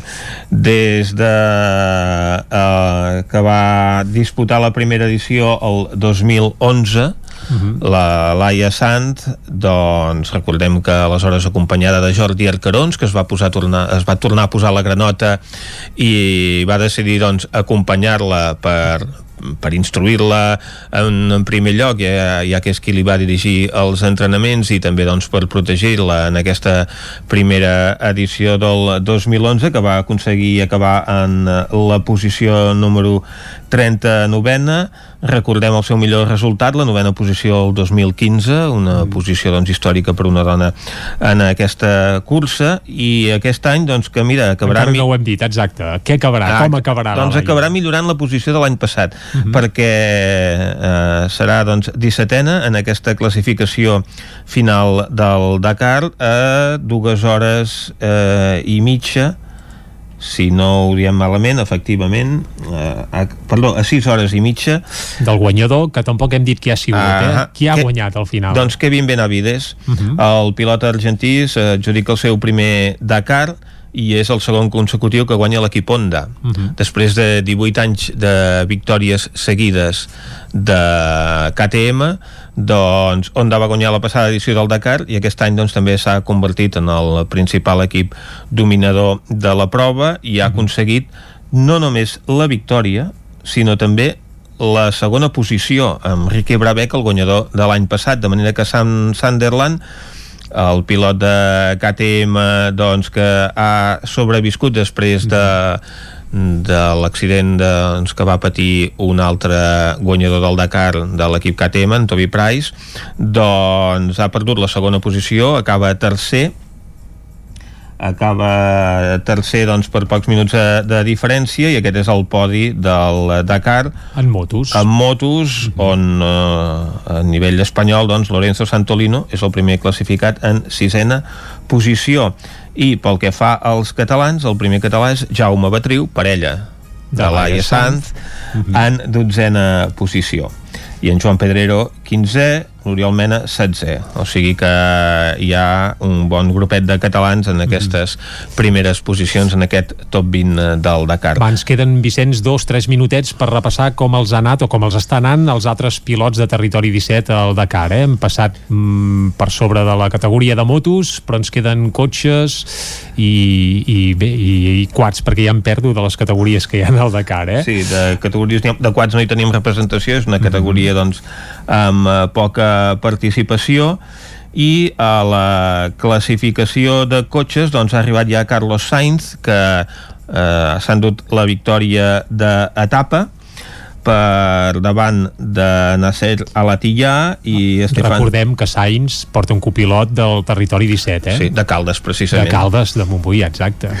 En uh, Lucas Cruz, doncs, que és el copilot de Carlos Sainz, amb els quals doncs, han guanyat ja tres de Cars. Que aviat és dit. Exacte, començant per l'últim, el van guanyar ells. En aquesta ocasió acabaran tercers a la classificació general perquè qui s'endú la victòria és Estefan Peter Ansel, que aconsegueix la seva catorzena victòria al Dakar per davant de Nasser Alatilla, el primer pilot de Toyota classificat. Hem de dir que Carlos Sainz i Stefan Pérez Ansel doncs, eh, comparteixen equip eh, l'equip Mini i en aquests moments doncs, han arribat ja els 10 eh, primers eh, pilots de la categoria de cotxes, entre els quals no hi ha Nani Roma, uh mhm. -huh. que si no hi ha novetat doncs conservaria aquesta cinquena posició que no deixa de ser un excel·lent resultat per l'equip eh, Hunter en la seva primera participació I al Dakar. tenint en compte que estrenava copilot pràcticament dos dies abans de marxar es va donar que el seu copilot habitual que l'havia d'acompanyar tenia coronavirus, no va poder viatjar i així d'última hora diguem que n'hi van adjudicar un altre. Eh? I no només això, sinó que a més a més es va quedar sense company d'equip, Sebastián Loeb va tenir problemes i va haver d'abandonar en part també perquè no tenien recanvis, ja que l'equip d'assistència en cursa, l'equip Tibau també de Caldes, doncs eh, va tenir problemes, no va poder continuar en cursa i per tant ha hagut de ser conservador durant totes aquestes etapes. El Dakar és que és tota una aventura, eh? uh, en tot cas, ara ho hem de deixar aquí perquè hem d'anar a fer una pausa. Uh, hem fet un petit repàs com els han anat els pilots de Territori 17 uh, el el Rally Dakar, en tot cas, eh, el podem acabar després a l'hora del repàs esportiu perquè ens en queda algun dependent. Ah, Ara fem una pausa i tornem. El nou FM, la ràdio de casa, al 92.8. Són temps de reptes. És per això que des de la Fogonera en tenim 3. Sardí arrossos d'estrella per emportar i a un preu de justícia. I ara tasta els nostres menús per empreses, per Nadal i per Cap d'Any, fàcil, segur i boníssims. La cuina en directe des de GURB, on encarregues, ho vens a buscar i ara també t'ho portem a casa. La Fogonera, la rosseria de paelles per emportar a GURB. Telèfon 93 851 55 75. lafogonera.cat I quan cau la nit, Pupurri Culinari. Solucions per divendres i dissabte nit. Pizza, burgers i molt més. Entra a pupurriculinari.cat i tria. Cocodril Club. Si t'agrada la bona música dels anys 60, 70 i 80, escolta el 9 FM els matins de dissabtes i diumenges d'11 a 1. És el temps del Cocodril Club, tot un clàssic de la ràdio, amb les bases del pop-rock, les llegendes, les cançons que s'han convertit en autèntics himnes. Recorda, dissabtes i diumenges al matí, d'11 a 1, al 9 FM 92.8. Cocodril Club, el programa revival de l'Albert Malla. Hasta luego, cocodrilo. Hi ha una màgia que no té truc. És la màgia de compartir una estona amb algú i parlar-hi. Vols practicar el català o ajudar algú a parlar-lo? Apunta't al Voluntariat per la Llengua, al programa de les parelles lingüístiques a vxl.cat. Perquè quan parles, fas màgia. Generalitat de Catalunya. 100 milions... Anuncia't al 9FM. La màquina de casa. 9 3 8 8 9 4 9 4 9. Publicitat arroba al 9FM.cat. Anuncia't al 9FM. La publicitat més eficaç. Cobertes serveis funeraris. Els nostres tanatoris estan ubicats en els nuclis urbans més poblats de la comarca d'Osona per oferir un millor servei. Tanatori de Vic, Tanatori de Manlleu, Tanatori de Centelles i Tanatori de Roda de Ter. Sabem que són moments difícils i per això el nostre compromís és atendre-us en tot moment amb un tracte humà, sensible i respectuós. Cobertes serveis funeraris. Telèfon 24 hores 93 883 23 46. Només pensar en passar aquesta nit sense calefacció amb aquest fred? No es preocupi, hem analitzat a fons la caldera i de seguida quedarà reparada i en funcionament. Quan tingui un problema amb la seva caldera, vagi directament a la solució. Truqui sempre al servei tècnic oficial de Saunier Duval i despreocupis, perquè som fabricants i coneixem les nostres calderes peça a peça. Informis a Oficiat Nord trucant al 938860040. Saunier Duval, sempre al seu costat. El 9 FM, la ràdio de casa, al 92.8.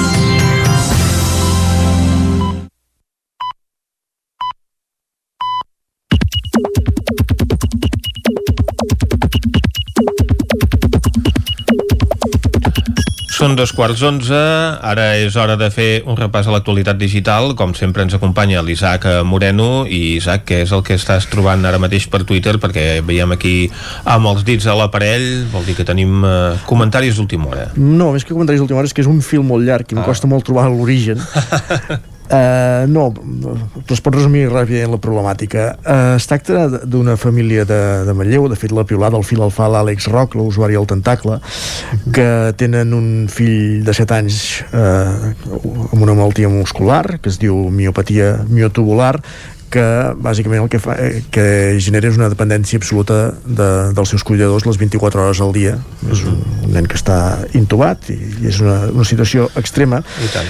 i està eh, molt dolgut, indignat, perquè ells, que són els cuidadors, els pares que són els cuidadors d'aquest menor, que viuen 24 hores amb ells, que bàsicament eh, estan des de l'inici del confinament, des de l'inici de l'estat d'alarma, tancats 24 hores al dia a casa sense poder fer res per, no, per evitar amb majors, formen part del, del grau 4 de vacunació.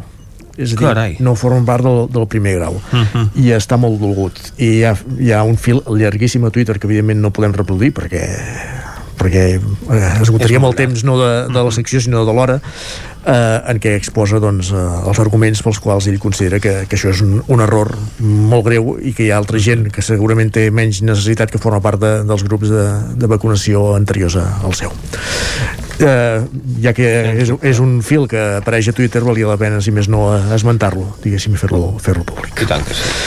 Ahir explicàvem la gran campanya, el gran eslògan d'Osona Turisme, eh, aquell que diu que Osona és la Catalunya autèntica, i al cap d'unes hores de- d'explicar-ho aquí va aparèixer una nova piolada al fil d'Osona Turisme amb un comunicat explicant els motius de- d'aquest eslògan tan, tan brillant Això vol dir que ens escolten. Sí, deu ser això. Uh, ras i curt, tot queda justificat perquè és un eslògan turístic i com a eslògan turístic tot s'hi val és el que ve, i, el qui, i com que està adreçat als turistes i els turistes són tontos, no ho diu amb aquestes paraules però ve dir això, eh, tot s'hi val i està justificadíssim i la, Osona és la Catalunya autèntica El comunicat tampoc no el reproduirem perquè No. és molt llarg i també ens ocuparia però tot. ras i curt ve dir el que he dit Molt bé.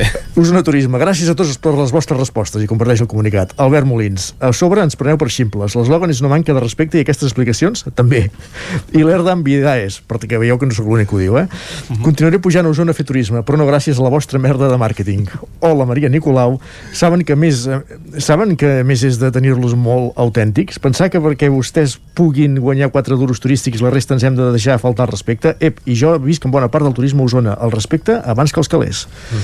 En fi, i tot eh, ho atribueixen a la gran empresa que els hi ha fet el pla possiblement que... Bueno, en fi, és igual. No direm noms. No, no, tampoc el diuen, eh, el nom de l'empresa, però és la gran marca turista, el gran eslògan turístic d'Osona, la Catalunya autèntica. Més qüestions, Gerard López, piula. Pot ser que estigui sentint arguments contra l'ajornament de les eleccions del 14 de febrer que em tracten d'imbècil? També deu ser, deu ser la cosa de la mateixa empresa que ha fet l'eslògan de, del turisme a Osona. Uh, Tòmica, usuari a Restapable. Els meus alumnes saben que la classe no es, come no es comença fins que tots tinguin les taules totalment paral·leles a les juntes de les rajoles. Digues-ne ordre, digues-ne principis. Teresa Rossell, advocada, diu divendres, preparant una demanda. Que sapigueu que per instar un divorci no cal ser més del 50%. Hem deixat enrere l'afectio maritalis. O en Jordi Remolins, que també piula, diu l'any 2002 vaig ser testimoni com als carrers de Donosti se celebrava l'eliminació d'Espanya del Mundial en mans de Corea del Sud. I és trist haver de festejar les derrotes alienes, però és més encara tenir sotmesos milions de persones que no senten cap simpatia pel, pel seu estat. Tampoc no sé per qui va aquesta. Anem ara a fer un repàs al que treu en portada al 99.cat. i tornem a remenar amb intensitat els dits sobre la pantalla del telèfon perquè se'ns carregui la portada verda de l'edició del Vallès Oriental del 99.cat. La resta de veïns del bloc de Granollers desallotjat per l'incendi del dia de Nadal també poden tornar a casa. El Teatre Auditori de Cardedeu obre la temporada amb Reines de Shakespeare. El Procicat confirma la pròrroga d'una setmana de les darreres restriccions per la Covid-19 i Lliçà d'Amunt tindrà grups de secundària a Palaudàries amb el nou Institut Escola. Ràpidament, carreguem la portada vermella, la d'Osona i el Ripollès, que ara mateix titula eh, l'edició digital Creixen els habitants a Osona i el Ripollès, creen 12 taules sectorials de reactivació econòmica del Ripollès, Cuidem Lluçanès, Calandra i TAC Osona creen un projecte de des desinfecció professional especialitzada i el govern prorrogarà una setmana més les restriccions davant l'augment de la Covid. Doncs moltes gràcies, Isaac, per aquest repàs digital i nosaltres ens encaminem a la taula de redacció. Bon dia. Territori 17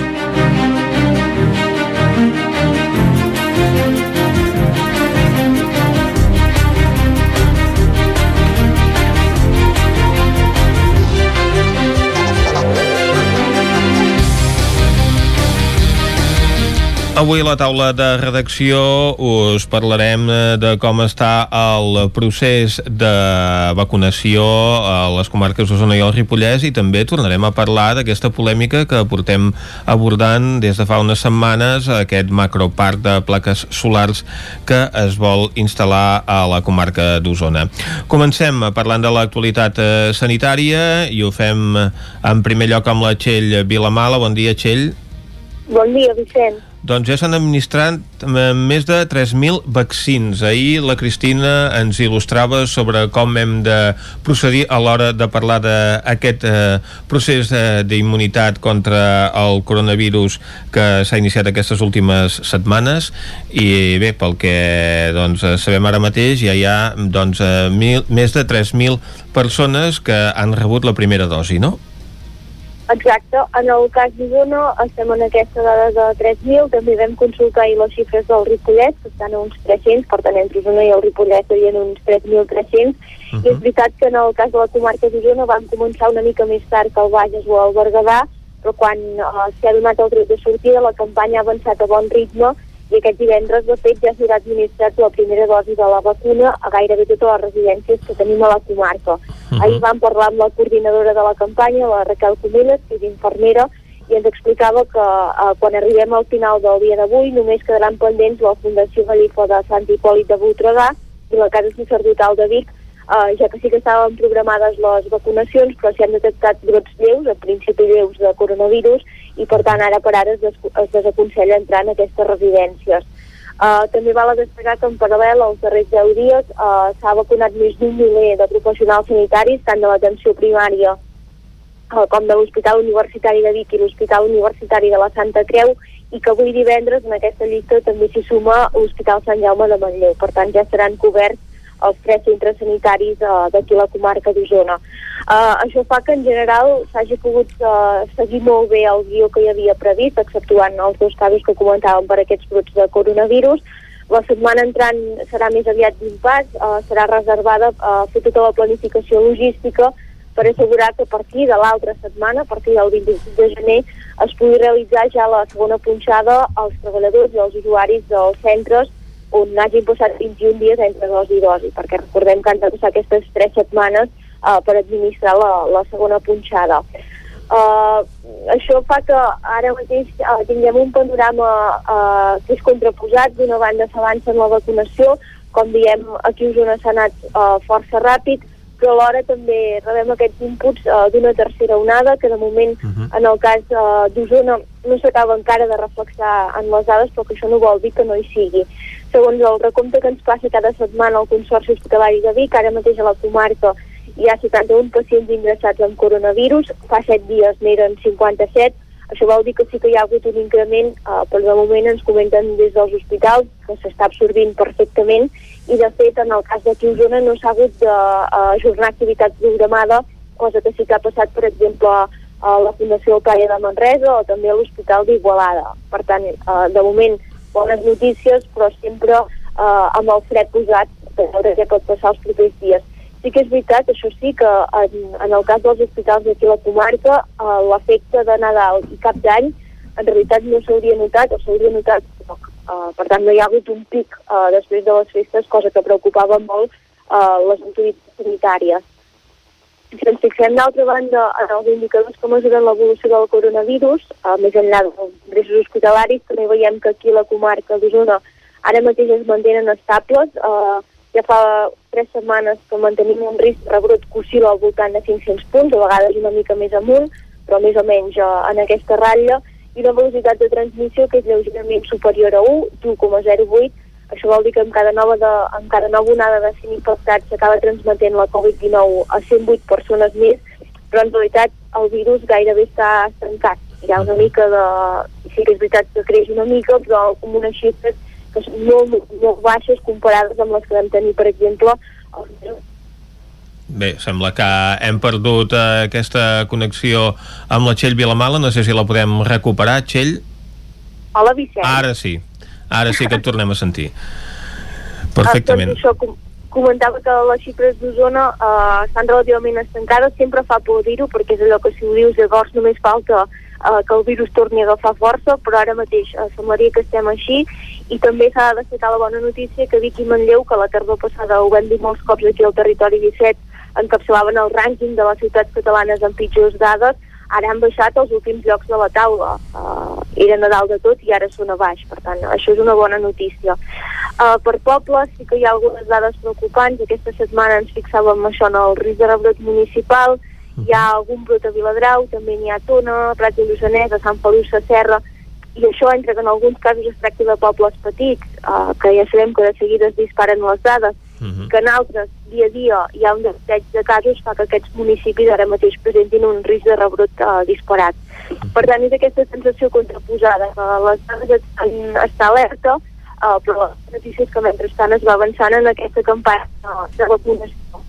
També sobre la, la campanya de vacunació, dins més que hi ha una altra positiva, i és que un percentatge molt elevat de la gent que viu en residències de gent gran està dient que sí, està donant el seu consentiment perquè li administrin, uh -huh. i a més aquest percentatge també és elevat, oscil·la entre el 75% i el 85% en el cas dels sanitaris.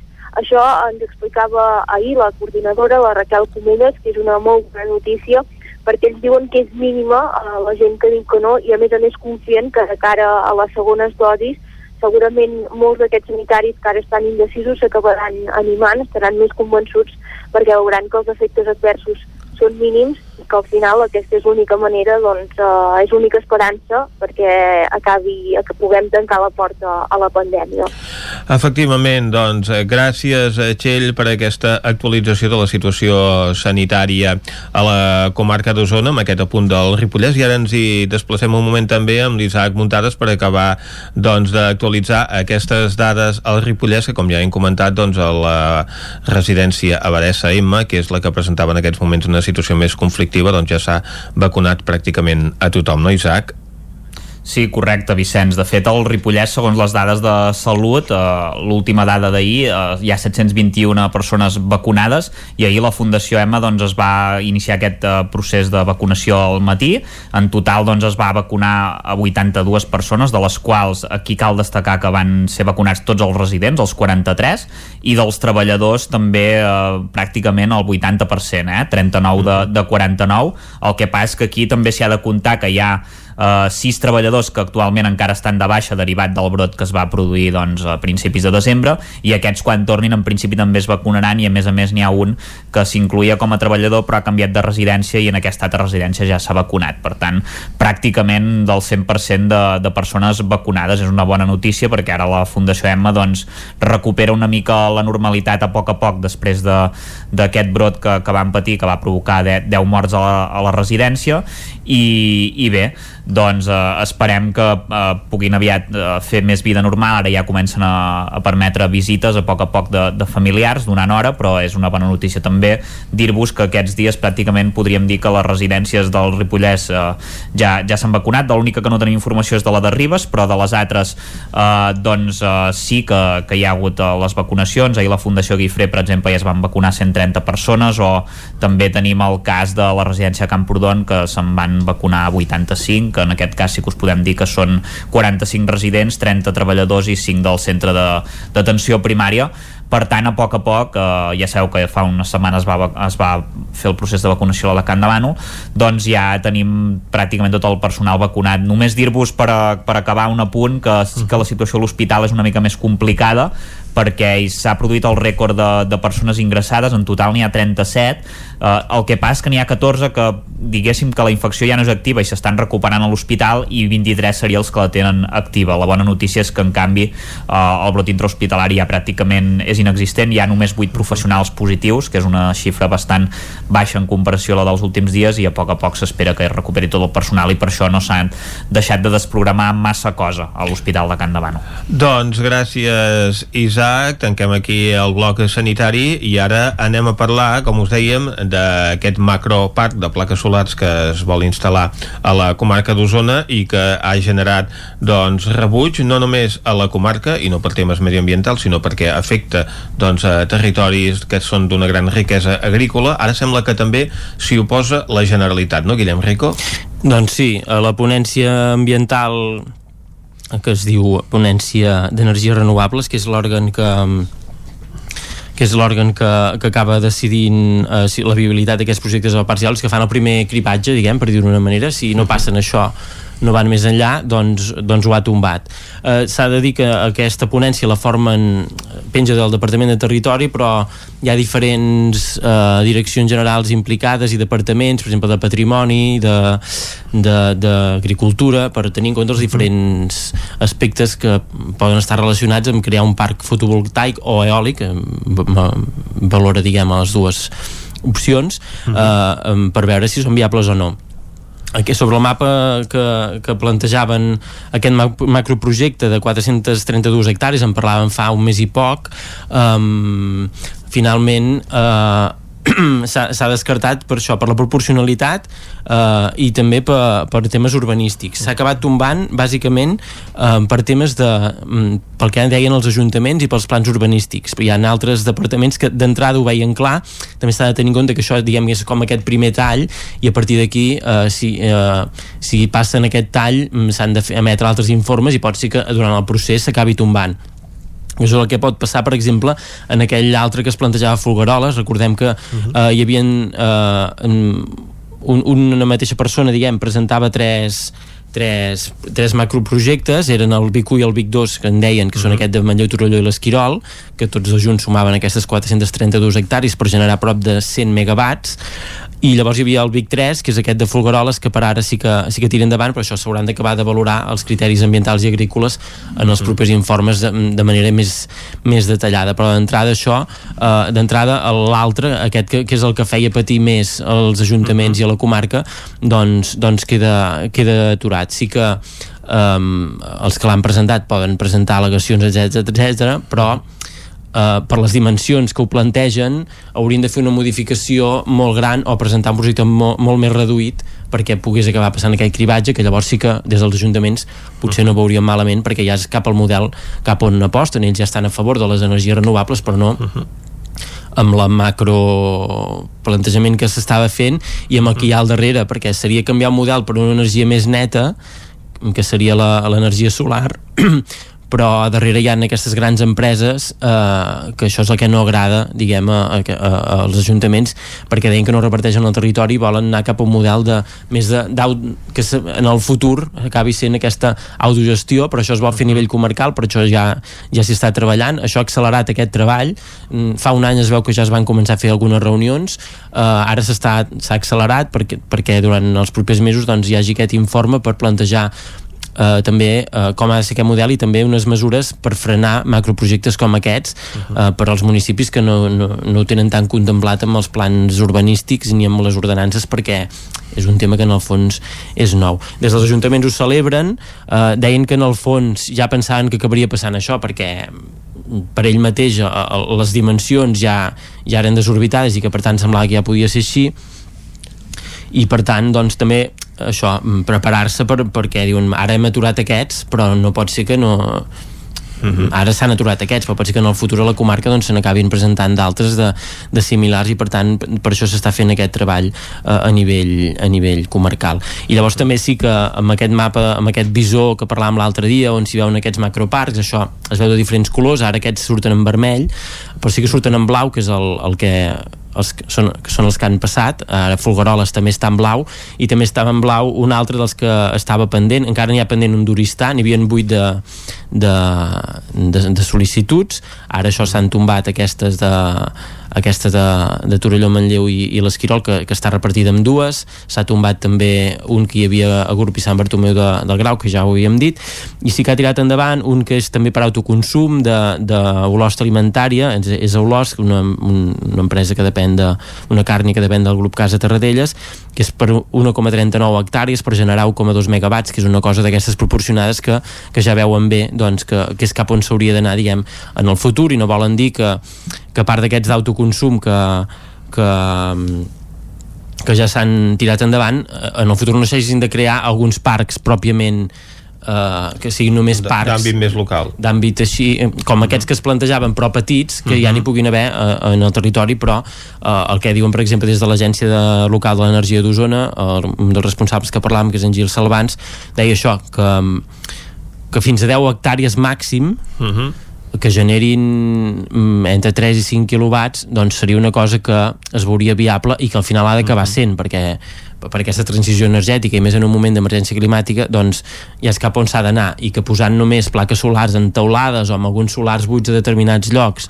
uh -huh. uh, no, potser no n'hi haurà, no, o sigui, no, no n'hi haurà prou, això està clar i que llavors uh mm-hmm. -huh. també s'ha d'anar cap a aquesta autosuficiència uh, amb aquests petits parcs que això ja, ja es podria cobrir la comarca però que s'ha de tenir en compte a nivell de país que hi poden haver llocs on no hi queben aquestes plaques solars, per dir-ho així, que per tant clar per generar prou energia per Osona, també per enviar-ne a altres punts que, que els hi faci falta, però sense destrossar el territori com es plantejava en aquest aspecte, i llavors aquí també s'haurien de sumar altres aspectes o altres maneres de generar energia neta amb un model a darrere diferent, com és aquest, aquest plantejament, per exemple, de Sant Quirze de, de municipalitzar aquestes centrals hidroelèctriques que també estan en mans de, de grans empreses.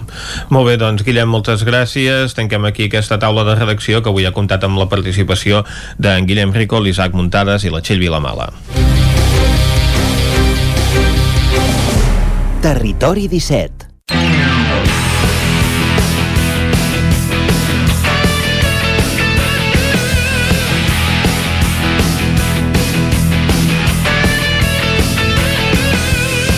Doncs tanquem la taula de redacció, Vicenç, i quan falta mig quartet perquè siguin les 11 del matí, el que ens toca és obrir l'agenda esportiva del cap de setmana pels principals equips del nostre territori. Hi ha poca activitat perquè continuem mig confinats i només eh, disputen, es disputen competicions d'àmbit eh, estatal, però bé, alguna cosa hi ha, eh, Vicenç? I per on començarem aquest repàs? Comencem per Ràdio Cardedeu, allà ens espera l'Òscar Muñoz. Bon dia, Òscar. Bon dia. Quins doncs sí, com partits? dèieu, Mm. poca activitat, molt poca. Tenim les noies del CAC 7 en Granollers uh -huh. s'ajorna el partit que tenien contra el Córdoba. L'equip andalús va demanar l'ajornament per un positiu de coronavirus a la seva plantilla, així uh -huh. que la tornada del CAC 7 haurà d'esperar fins dimecres perquè dissabte, doncs, com deien, no jugarà contra la de Sal Córdoba. Uh -huh. El CAC 7, recordem que tornava a competir eh, a la Lliga, a la divisió d'honor després de dos mesos sense l'activitat per l'aturada de l'europeu femení i ho feia a, a priori con una, amb una rival assequible com, bueno, com són els, eh, els cordobesos que és tan sols em, suma dos punts a la Lliga o a la primera volta i eh, els gran, les gran, granollerines eh, van ser molt superiors amb un 20 a 30 i per acabar tenim, tenim el partit del Club Bàsquet Granollers que jugarà aquest cap de setmana contra el Seguros al Mozarra a, a dos quarts de sis. Els dos equips no van del tot bé a la Lliga EVA a la fase regular C4, ja que es situen tant Granollers com penúltims com el, a l'equip de Zaragoza en últims. Doncs moltes gràcies, Òscar. A vosaltres. Després de parlar de bàsquet i d'handbol, anem a parlar d'hoquei patins amb la Caral Campàs, que ens espera a una codinenca. Bon dia. Hola, bon dia. Doncs sí, a l'Hockey Lliga Plata Sur tenim el Sant Feliu, un Sant Feliu que va tornar a la competició després de Nadal contra l'Alcoi, un partit que els codinencs van perdre per 2-4 i hauria de, de jugar la jornada 11 aquest cap de setmana uh -huh. contra l'Arenys de Munt, tercer classificat, però s'ha aplaçat el partit pel febrer, per tant, la pròxima jornada que mm, jugarà el Sant Feliu serà la 12, el següent cap de setmana, el dia 23, contra l'Alcobendas. I l'equip femení de Vigues i Riells, amb l'objectiu complert de classificar-se per la fase pel títol de l'Hockey Lliga Femenina, encara les dues últimes jornades de la primera fase sense res en joc, perquè, perquè ho té tot assegurat, i les biguetanes visiten, per tant, dissabte el Vilanova, a, a les 4 de la tarda en el penúltim partit d'aquesta fase inicial que segons l'entrenador Ramon Peralta aprofitaran per donar minuts a les jugadores en fitxa del filial que fins ara eh, no han jugat tant perquè no, no s'hi juguen, no juguen res per tant aprofitaran per donar minuts a aquestes eh, jugadores. Mhm. i el rec amb les alcaldes rep aquest dissabte, ja ho comentareu vosaltres també, el Voltregà a les 7 de la tarda en un partit clau per entrar al top 4 de l'Hockey Lliga masculina a la qual dona accés a la Champions. Aquest equip entrenat per Eduard Candami, cinquè és a 3 punts de la quarta plaça ocupada pel Reus i en cas de guanyar l'últim partit pendent que li queda igualaria la puntuació i entraria de ple a, en la lluita. El Voltregà comentar que és sisè amb 5, a 5 punts dels arlequinats. Molt bé, gràcies, Caralt. A vosaltres. Ara anem al Ripollès amb l'Isaac Muntades des de la veu de Sant Joan. Bon dia. Bon dia, Vicenç.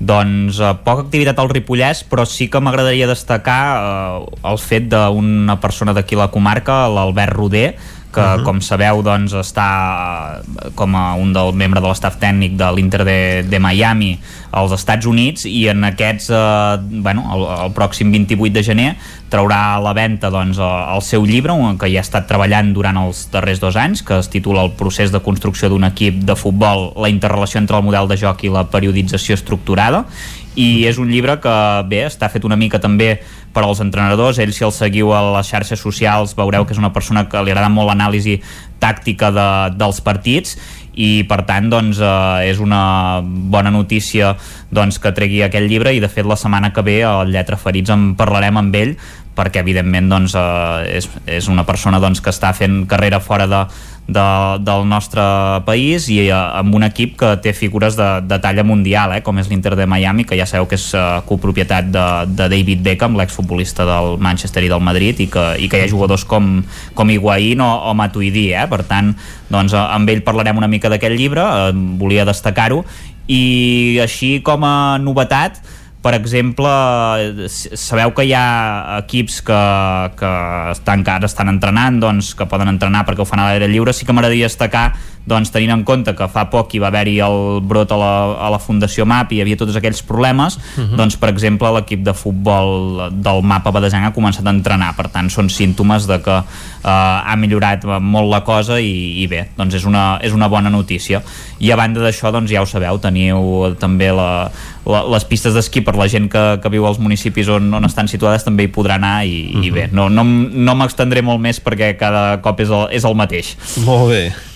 Doncs efectivament la situació al Ripollès és uh, la que és, amb equips que van mirant doncs, de recuperar l'activitat si més no pel que fa a les trobades i entrenaments, però les competicions catalanes continuen congelades en les diferents modalitats esportives i per tant no s'ha reprès l'activitat com es preveia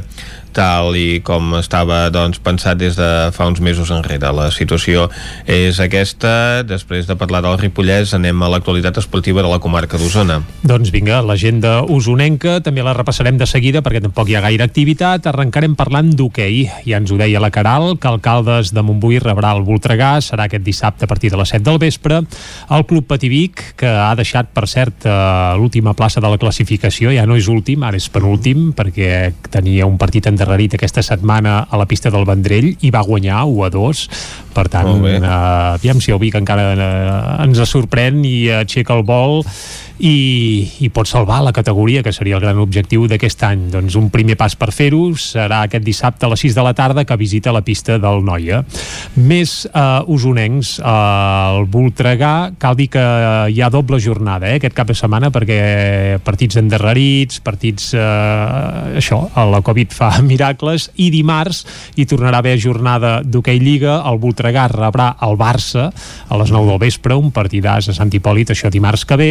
El Taradell visitarà la pista del Palafrugell, també dimarts a les 9 del vespre, i el Vic visitarà la pista del Mataró, també dimarts a les 9 del vespre. Uh, recordem que el Mataró ara mateix és l'últim, per tant aquest partit de dimarts sí que pel Vic seria un partit clau i endur-se la victòria seria molt i molt important. I tant. Deixem l'hoquei Lliga masculina, anem a l'hoquei Lliga femenina. El grup A, el Manlleu Màgic Studio, visitarà la pista del Cerdanyola. Serà aquest dissabte a les 6 de la tarda. Uh, pel que fa al Voltregà, doncs aquest cap de setmana no, no té partit, per tant eh, estaran de vacances, confinats, confinades, vaja, al seu terme municipal. A l'hoquei Lliga Plata, és a dir, segona divisió de l'hoquei estatal, el Manlleu embotit Solà rebrà el Capellades i serà aquest dissabte a les 8 del vespre. I abans d'acabar l'agenda esportiva, dos apunts, un de futbol i un de bàsquet. Per quin bosc que comencem, Vicenç? Doncs comencem pel futbol. Va, doncs ràpidament pel futbol. Uh, evidentment no hi ha competició de futbol a primera catalana ni en divisions uh, inferiors, però com que el Vic Riu Primer femení juga a primera nacional d'àmbit estatal, doncs sí que té partit i serà aquest diumenge a dos quarts de cinc de la tarda al camp del Municipal d'Esports de Vic. El Vic Riu Primer rebrà el Girona. I acabem amb un apunt de bàsquet, i és que el Club Bàsquet Vic Universitat de Vic eh, també juga aquest cap de setmana. Recordem que el Vic juga a la Lliga EVA, concretament al grup C3, i aquest dissabte a les 12 del migdia, un horari molt poc habitual, però es fa precisament per combinacions d'avió de l'equip que rebrà, que és el Lluc Major de Mallorca, uh mhm. -huh. doncs el Vic i el Lluc Major, que per cert són primer i segon, per tant un partit molt i molt interessant, s'enfrontaran aquest dissabte a les 12 del migdia. Remarcar que aquest partit també es podrà seguir en directe pel nou TV perquè ja que no es pot anar al pavelló, doncs mira, almenys es podrà seguir per, per televisió. I tant, doncs és una bona alternativa per la gent que li agrada l'esport i que lamentablement no pot acudir als recintes esportius a animar el seu equip. I amb aquest uh, punt de bàsquet tanquem aquí el repàs al calendari esportiu dels nostres equips per aquest cap de setmana. I quan són les 11 i un minut i mig, gairebé, doncs torna la informació de les nostres comarques, les comarques del Ripollès, Osona, el Moianès i el Vallès Oriental. Territori 17, amb Vicenç Vigues i Jordi Sunyer.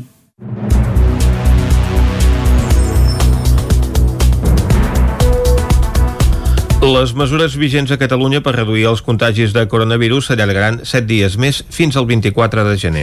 Ho va confirmar el govern aquest dijous després d'una nova reunió del Procicat. Tant la consellera de Salut, Alba Vergés, com el secretari de Salut Pública, Josep Maria Argimon, van dir que tenen algunes dades que confirmen que el creixement de contagis s'està moderant, però tot i així és necessària una setmana més de confinament municipal i reducció de l'activitat comercial, entre d'altres mesures. Alba Vergés és la consellera de Salut i sentim també Josep Maria Argimon, secretari de Salut Pública.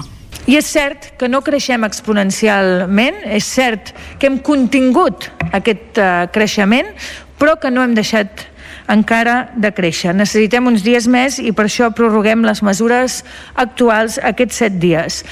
Tot això, d'alguna manera, com dic, invita a pensar, invita a aquest moderat optimisme, a pensar que segurament doncs a finals de setmana, començaments de la setmana que ve, aquesta situació de fre doncs la, la, la podrem aconseguir i també aquesta és una de les raons per les que tenim aquesta pròrroga de set dies o aquest eh, eh allargament de set dies més de les, de les mesures.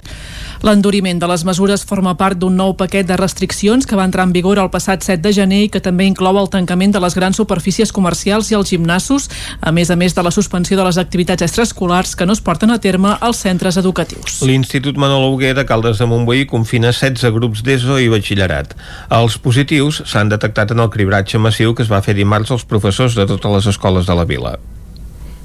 L'Institut Manol Huguer de Caldes de Montbui ha confinat 16 grups de secundària d'un total de 28 classes. Segons el director del centre, Jaume Balart, en aquest institut hi ha 6 professors que han donat positiu de 47 persones que es van fer la prova. Tot i això, Balart apuntava que la seva plantilla és de 70 professors. A Manolo tenim més de 70 profes mm. i aproximadament un terç no se van poder fer la prova perquè les proves es van fer al matí i i els professors de tarda no se la van poder fer perquè les van fer de nou a dues i per això et dic que i ara se les han de fer han d'anar a Mollet a fer-se-les no sabem quan també, però vull dir que tot això és ara un seguit de, de situacions que pot portar-nos a això, a tenir molts grups confinats. Per altra banda, les escoles públiques de primària de Caldes sumen 5 grups confinats més, segons va avançar Vallès Oriental Televisió. Aquests positius arriben dos dies després que el Departament de Salut hagi realitzat cribratges massius amb les automostres a 318 treballadors de totes les escoles de Caldes. Demà es coneixeran els resultats de les automostres fetes al personal de les escoles Bressol municipals i l'escola de d'adults. Com comentàvem, les darreres mesures aprovades pel Procicat s'allargaran almenys una setmana més.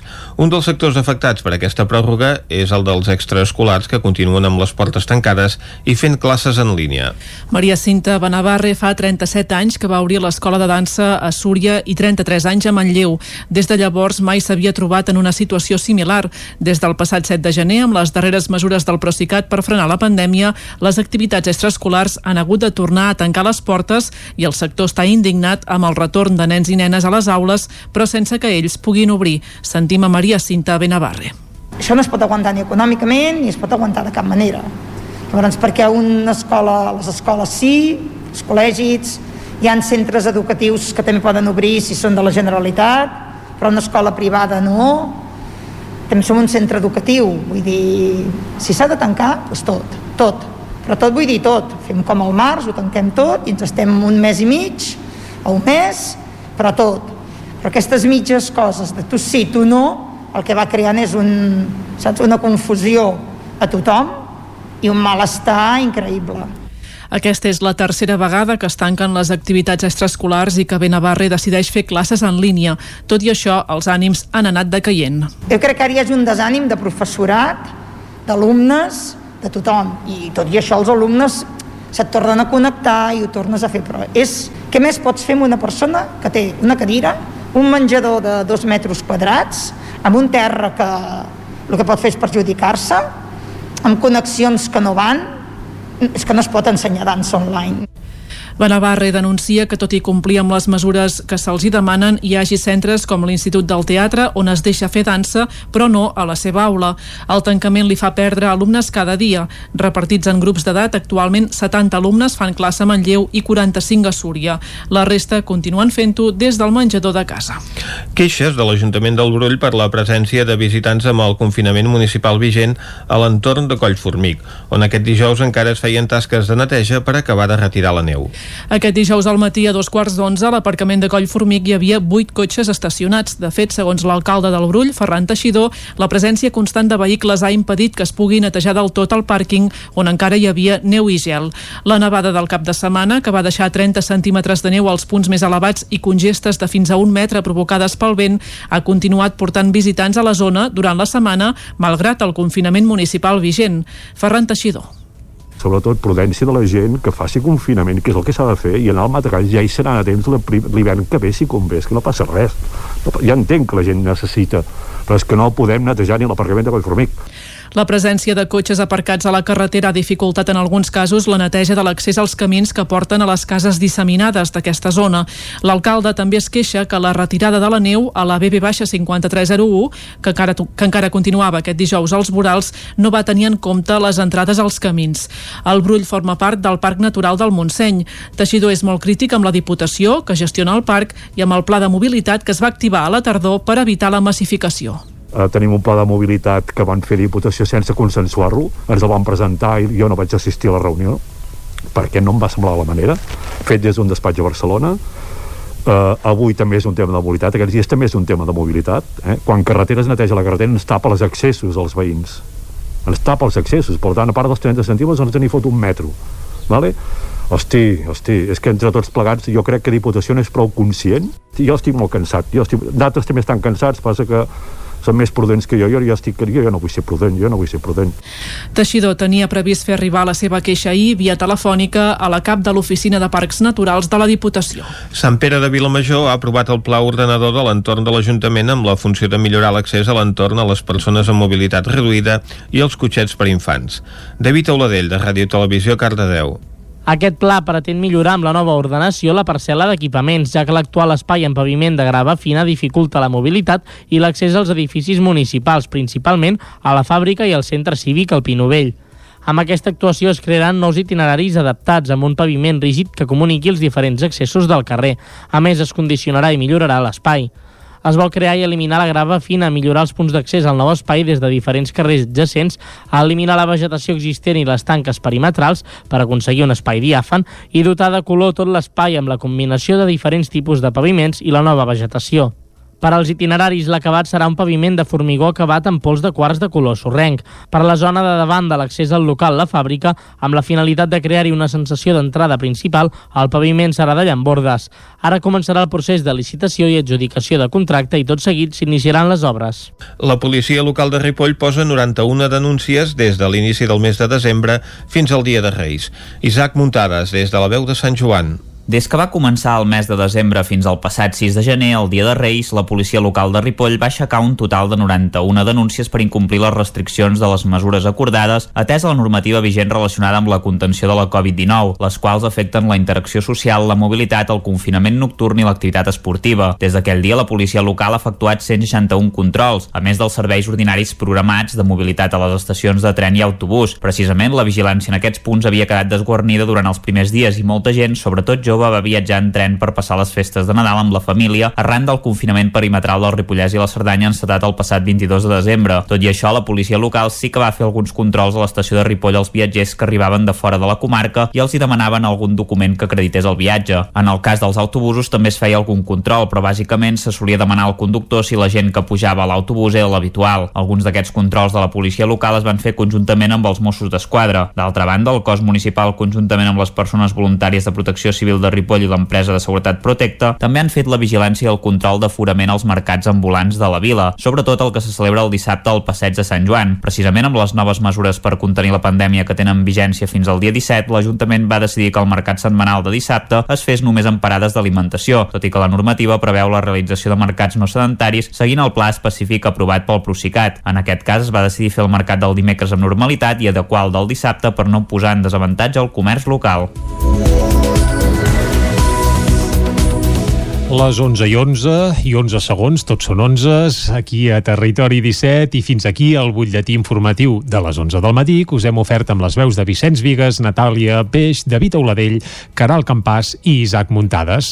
I ara, abans de descobrir alguna novetat discogràfica d'àmbit nacional, de seguida ens l'acostarà l'Arnau Jaumira, el que farem és recuperar la informació meteorològica per saber el temps que ens espera a les portes d'aquest cap de setmana que ja tenim aquí a la cantonada. Anem-hi.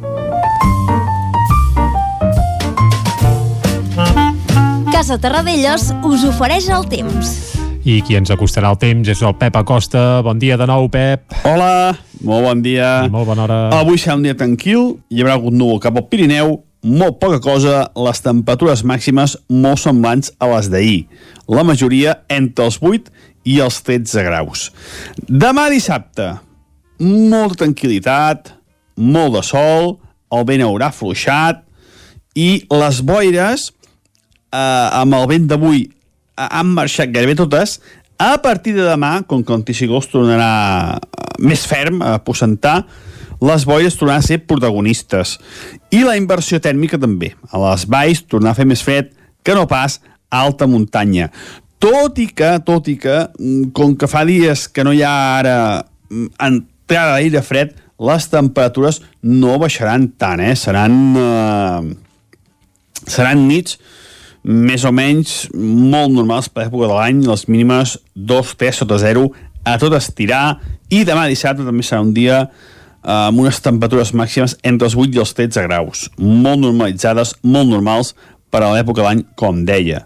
I diumenge, més del mateix, anticicló, anticicló i anticicló, molts pocs canvis, mm, quatre núvols prims en alguna zona, uh, vents molt variables, molt febles, uh, res a veure amb aquesta nit, que ha bufat, com deia, bastant al, al, al Pirineu, i mo molts pocs canvis, no continuem amb aquesta tònica ara d'anticicló, uh, va bastant per llarg, no, no hi veig uh, gaires canvis, i és el que ens toca. Uh, és molt normal, eh, com he dit aquests dies, que hi hagi anticicló al mes de gener, uh, normalment uh, és molt potent i molt gran l'anticicló en aquestes dates i s'hi està bastants, bastants dies. Moltes gràcies i bon cap de setmana. Adéu. Mira, igualment, Pep, molt bon cap de setmana, que serà amb anticicló, Vicenç. Ja Sí, ho sabíem sí. des de les 9 del matí, que ho sabem, perquè ens ho ha avisat el Pep. Per tant, eh, això, temperatures segurament més baixes a les fondalades que no pas al cim de les muntanyes, i paciència, perquè alguna boira també segur que tindrem en alguns racons de territori 17, no pas a tots, evidentment. No, no, però efectivament també ens acompanyarà la boira i l'anticicló, anticicló, anticicló. Molt bé. Fet aquest apunt, tanquem la informació meteorològica i de seguida parlem de música. Casa Tarradellas us ha ofert aquest espai. feliç per tantes coses que no m'hi caben en aquesta cançó. Vull dir-te, vull agrair-te, vull explicar-te allò que sent el meu cor. Gràcies per les copes pels teus petons i per com em toques sota les llençols. Gràcies per les hores, pels moments tan bons, per donar-me tants motius per fer-te aquesta cançó. Per aguantar-me quan cau la nit,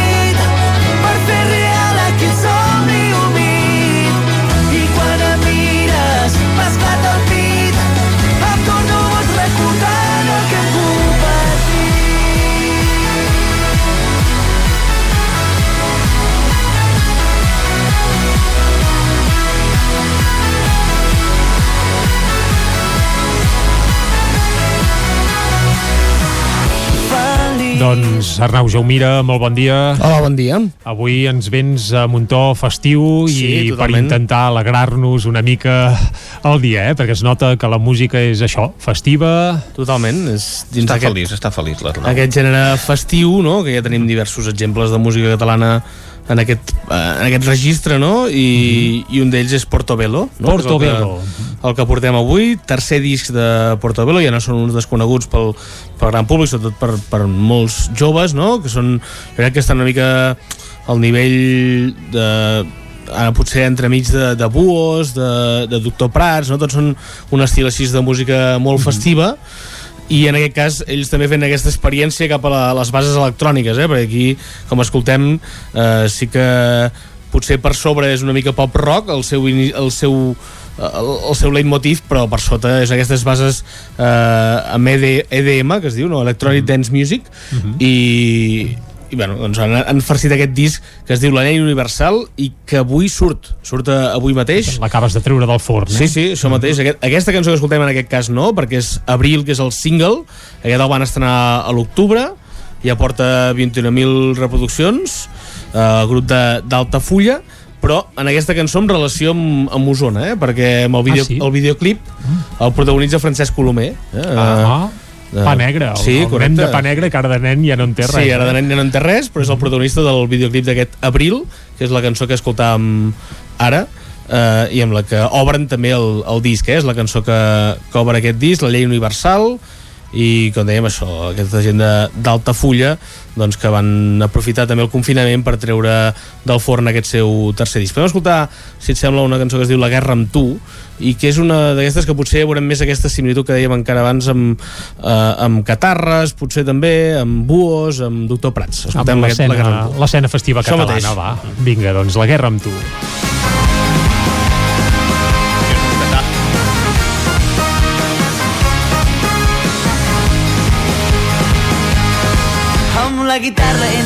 Dits a cop de bombo i quatre acords maldestres.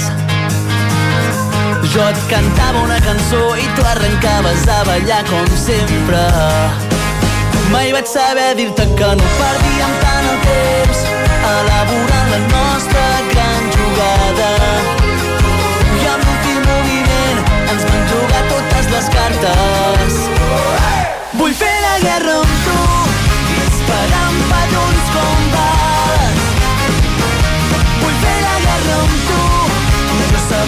sabem que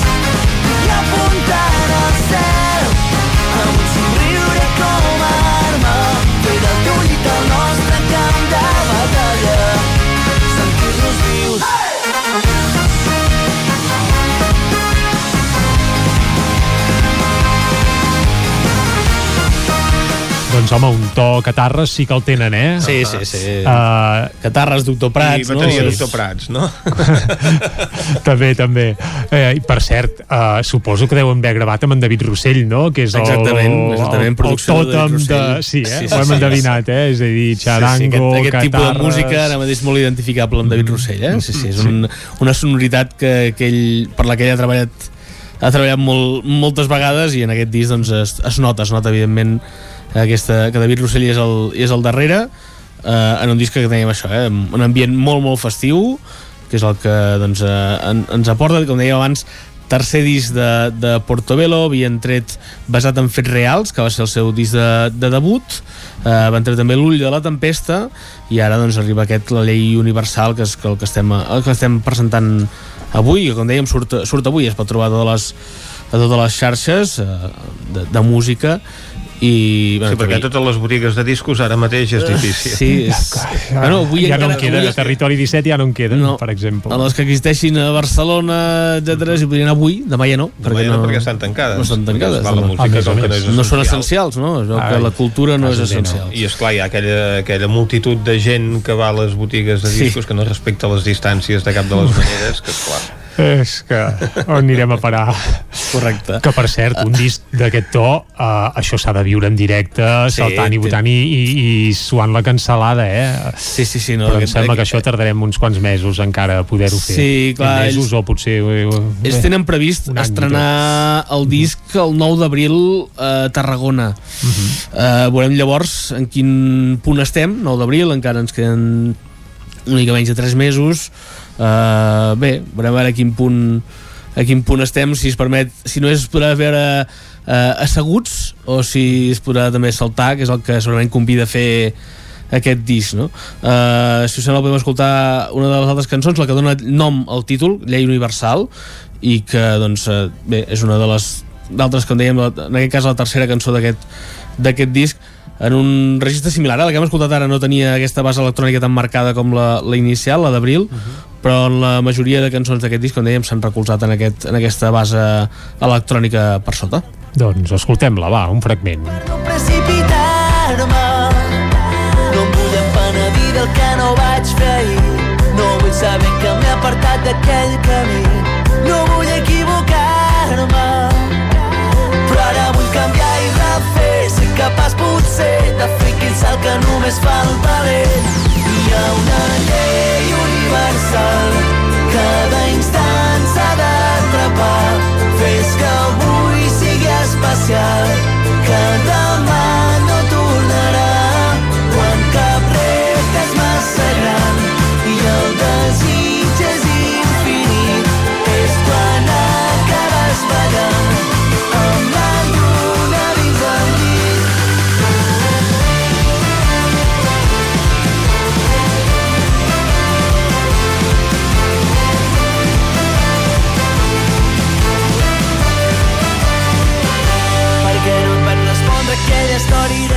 d'ahir Tenques els ulls i ets a una festa major directament, eh? Sí, sí, sí, és, és evident que, que és, és música festiva total, totalment i com deia abans, les similituds amb, eh, amb altres grups no són tampoc casualitat, eh? El grup, com dèiem, és d'Altafulla, format pels germans d'Altafulla, Tonet i Joan Blázquez, i Joan Blázquez és component de Buos també, per tant, mm -hmm. bé, hi ha una part de, de sonoritat que, que ens hi transporta i que no és, no és de, de casualitat, eh? És aquest... Eh, com, bé, eh, és aquest tipus de, de música ells eh, defensen també ho han fet en, en més d'una entrevista que, que la música festiva no és només fer la música i, i, i ja està, sinó que també està pensada, no? De vegades podem pensar doncs, que, que és això, no? que és anar a tocar i, i, i ja està eh, és veritat que, que la majoria de grups tenen estudiat això, no? el moment de d'aquesta pujada, no? del que amb mal dit diríem el subidon, no? el moment aquest de- d'eufòria màxima eh, doncs està pensant no? en quin moment va i en quin moment ens hauria de, de, de fer esclatar aquesta cançó també és, com dèiem, és, abans tu Jordi deies festa major, també molts cops amb aquestes pujades eh, em recorda confeti, eh, a mi també és allò, el moment Ah, aquesta des- ja veus, ja d'explosió sí, sí. màxima no? de, Tots els directes d'aquest Sí. tipus de grups que has citat, Sí. evidentment hi ha el moment aquell del Faltaria confeti. la- la pegatina, amb els que Bé, hi ha, hem dit o hi havia, hi havia, perquè clar, ara mateix, sí, però vaja. a més de confeti el tenen guardat i, i potser se'ls ha mullat i tot altre, un, altre, un altre dels sectors damnificats. Sí, sí, sí, no, no. eh, Això és veritat que hi ha empreses d'aquest sector que han hagut de canviar totalment de, de, de registre. Mm. Escoltem encara alguna cançó més de- d'aquest disc, que estem, anem ja acabant, anem per una que es diu Yes We Can, i que en aquest cas doncs I fan- és weekend de Sí, rotllo uh, weekend de jo puc, allò Això rotllo Obama fan- o de cap de setmana? Per fan, on la, va això? En la lletra fan, en la lletra fan el joc, eh? La, Ah, la doble cançó l'han escrit com a Yes Weekend, eh, sí, cap de setmana, Mhm. uh -huh. però fan el joc perquè parlen també de política, no? En aquell eslògan de Barack Obama, no? Nosaltres podem, no? Uh -huh. Yes Weekend, eh, doncs és una mica aquest, aquest, aquesta ambigüitat no? en la que juguen almenys amb el nom de la, de la cançó i també amb la, amb la lletra d'aquest Yes Weekend, en aquest cas celebrant que arribi el cap de setmana, nosaltres també ho celebrem. Eh, Sí, el tenim a la cantonada, tot i que tampoc podrem fer gaire no, cosa. no puc fer res, però, però en aquest cas escoltem com ho celebren els Portobello. Vinga. Tranquils que ara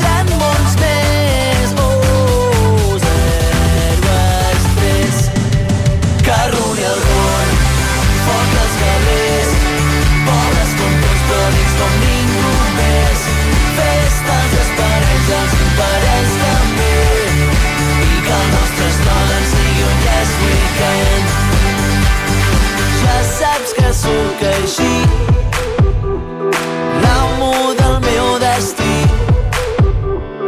Capó de les cançons, xèrif de tots els racons.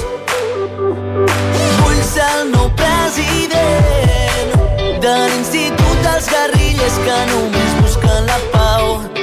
Príncep dels impacients, Doncs uh, arriba el cap de setmana i res millor que escoltar i és weekend. Uh, això és, és evident, eh, Arnau? Sí, sí, sí, és, bé, és, el convida al cap de, al cap de setmana eh, i eh, bé, aquest disc no, no hem dit abans té un parell de col·laboracions tampoc n'han pogut fer moltes, es va gravar durant el confinament va ser, doncs això, eh, entre ells sí que es van poder reunir però evidentment no van no, no van poder comptar amb, molts, amb moltes col·laboracions. Sí que ho fan amb el pianista Ivan Herzog en una cançó que escoltarem, que escoltarem ara i també amb Pound Gang aquesta banda de, de trap no? que en un altre dels, dels temes si et sembla que anem això escoltant Et prometo, Uh -huh. que és la, la darrera de, de que podem escoltar avui i potser és la cançó més, més estil, més balada més tranquil·la, no? no, no tan, balada potser més exagerat, eh? però, però sí de les més tranquil·les d'aquest disc que com dèiem té la col·laboració d'Ivan Herzog Més com era al principi aquest grup, vaja. Sí, correcte, potser no tan, no tan celebrat com, era, com és ara Doncs moltes gràcies, Arnau, per visitar-nos de nou a Territori 17. Esperem properament aquí més novetats discogràfiques. Avui, Portobello. Gràcies. De res, bon dia. Que si no entenem què ens passa, si ens perdem i no sabem què fer, passarem per sobre dels problemes i així n'aprendrem. Et prometo fer-te l'esmorzar vuit dies per setmana. Territori 17.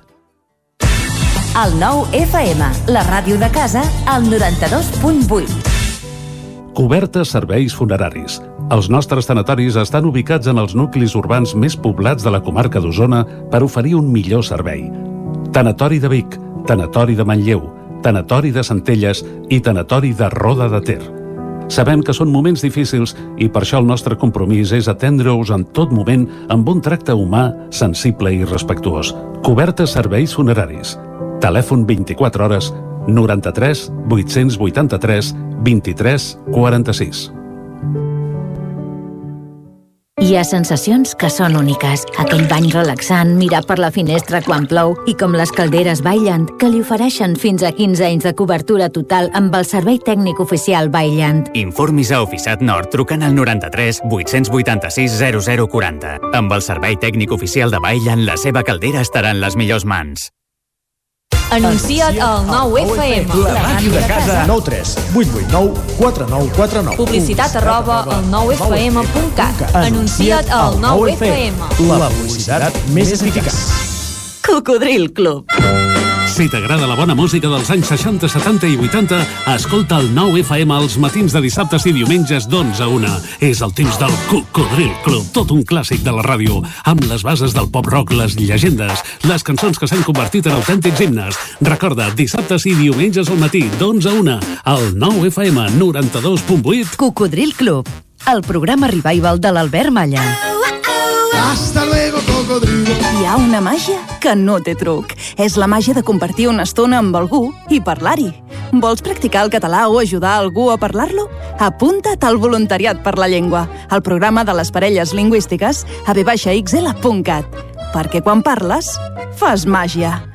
Generalitat de Catalunya, 7 milions i mig de futurs. C Cosmètics, el vostre distribuïdor de perruqueria i cosmètica bio de la comarca, us agraeix la confiança de tots aquests anys i us convida a visitar la nova botiga online www.ccosmetics.net us obsequiem amb un 10% de descompte en la vostra primera compra. També podeu recollir les vostres comandes al carrer Nord, número 2, baixos de Vic. I ara, nou servei d'articles anticovid, dirigit a empreses. Us hi esperem. Can Xalant, moda i complements. Més que rebaixes, nova secció, tot a 10 euros. Moda home-dona, nen-nena, sabates, bosses de mà, maletes, complements i molt més. Sí, ho has sentit bé, tot a 10 euros. Vine a Can Xalant, ens trobaràs al carrer Sant Tomàs 4 de Call d'Atenes. També a Instagram i Facebook.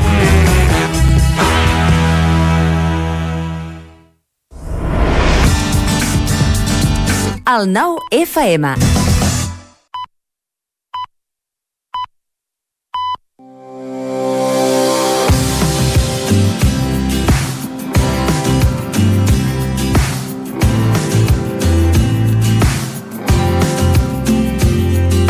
Avui parlem de Granera, el poble més petit del Moianès, amb només 80 habitants, però alhora és un dels pobles més encantadors de la comarca. La situació dominant del seu castell sobre la carena que marca el límit de l'altiplà del Moianès el fa visible des de molt lluny per la banda ponentina. Granera està dividit en dos barris, el del castell i el de l'església. És un municipi trencat i boscós, amb poques planes pels conreus i per tot el terme hi trobem antiquíssimes masies. Un passeig per Granera permet descobrir uns paratges naturals de gran bellesa, unes masies rehabilitades i un ampli patrimoni arquitectònic digne de conèixer en aquesta visita. I com a visita, la primera que cal fer és la del castell de Granera. S'aixeca sobre un penyal que domina la petita població, presidint el petit nucli de cases anomenat Raval del Castell. Es troba sobre la carena a uns 830 metres d'altitud.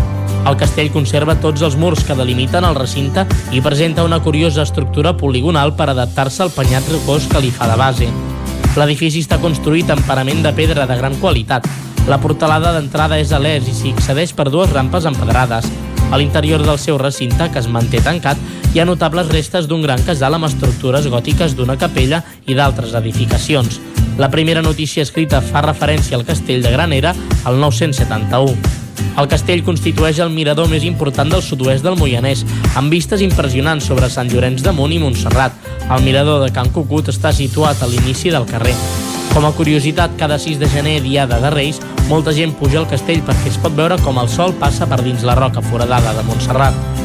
La capella de Santa Cecília es troba a l'indret on s'acaba la carretera asfaltada, a l'entrada dels nuclis que formen la població.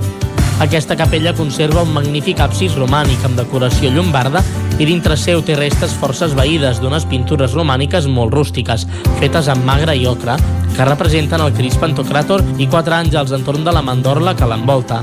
L'església de Sant Martí, per la seva banda, és un edifici del segle XIII format per una nau rectangular i que primitivament tenia la façana i l'accés a Ponent. Adossat a l'església hi ha la rectoria i l'Ajuntament. El cementiri es va traslladar al costat de la capella de Santa Cecília. Finalment, us proposem visitar el forn d'obra del Girbau, que s'utilitzava per l'obtenció de teules o maons mitjançant la cocció d'argila, que hi era introduïda en motlles. Es troba passat aproximadament uns 600 metres de la masia del Girbau a peu de pista.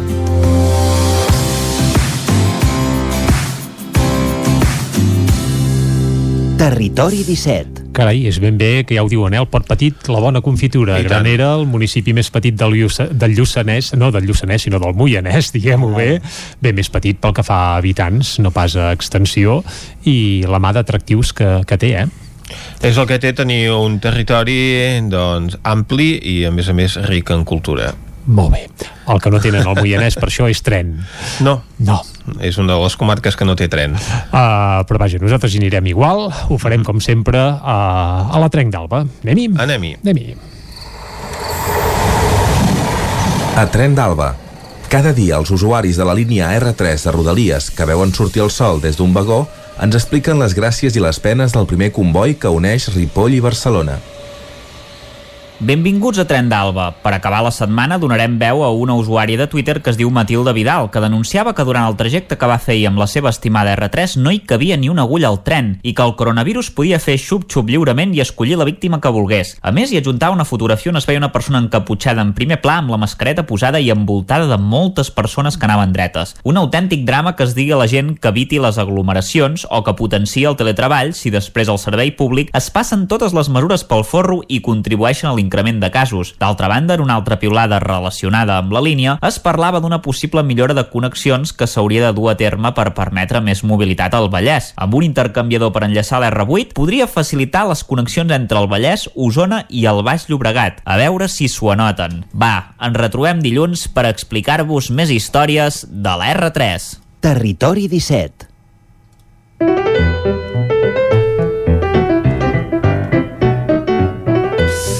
I després de passar per la R3, Vicenç, ara obrim la finestra a la gastronomia, com fem cada divendres a la secció de la Foc Lent, i avui volem conèixer la realitat d'un municipi turístic que viu, i molt, i sobretot els caps de setmana, del sector de la restauració, més que res perquè hi ha molts restaurants, i clar, tenint en compte que estem en confinament municipal, és evident que això ha d'afectar i molt.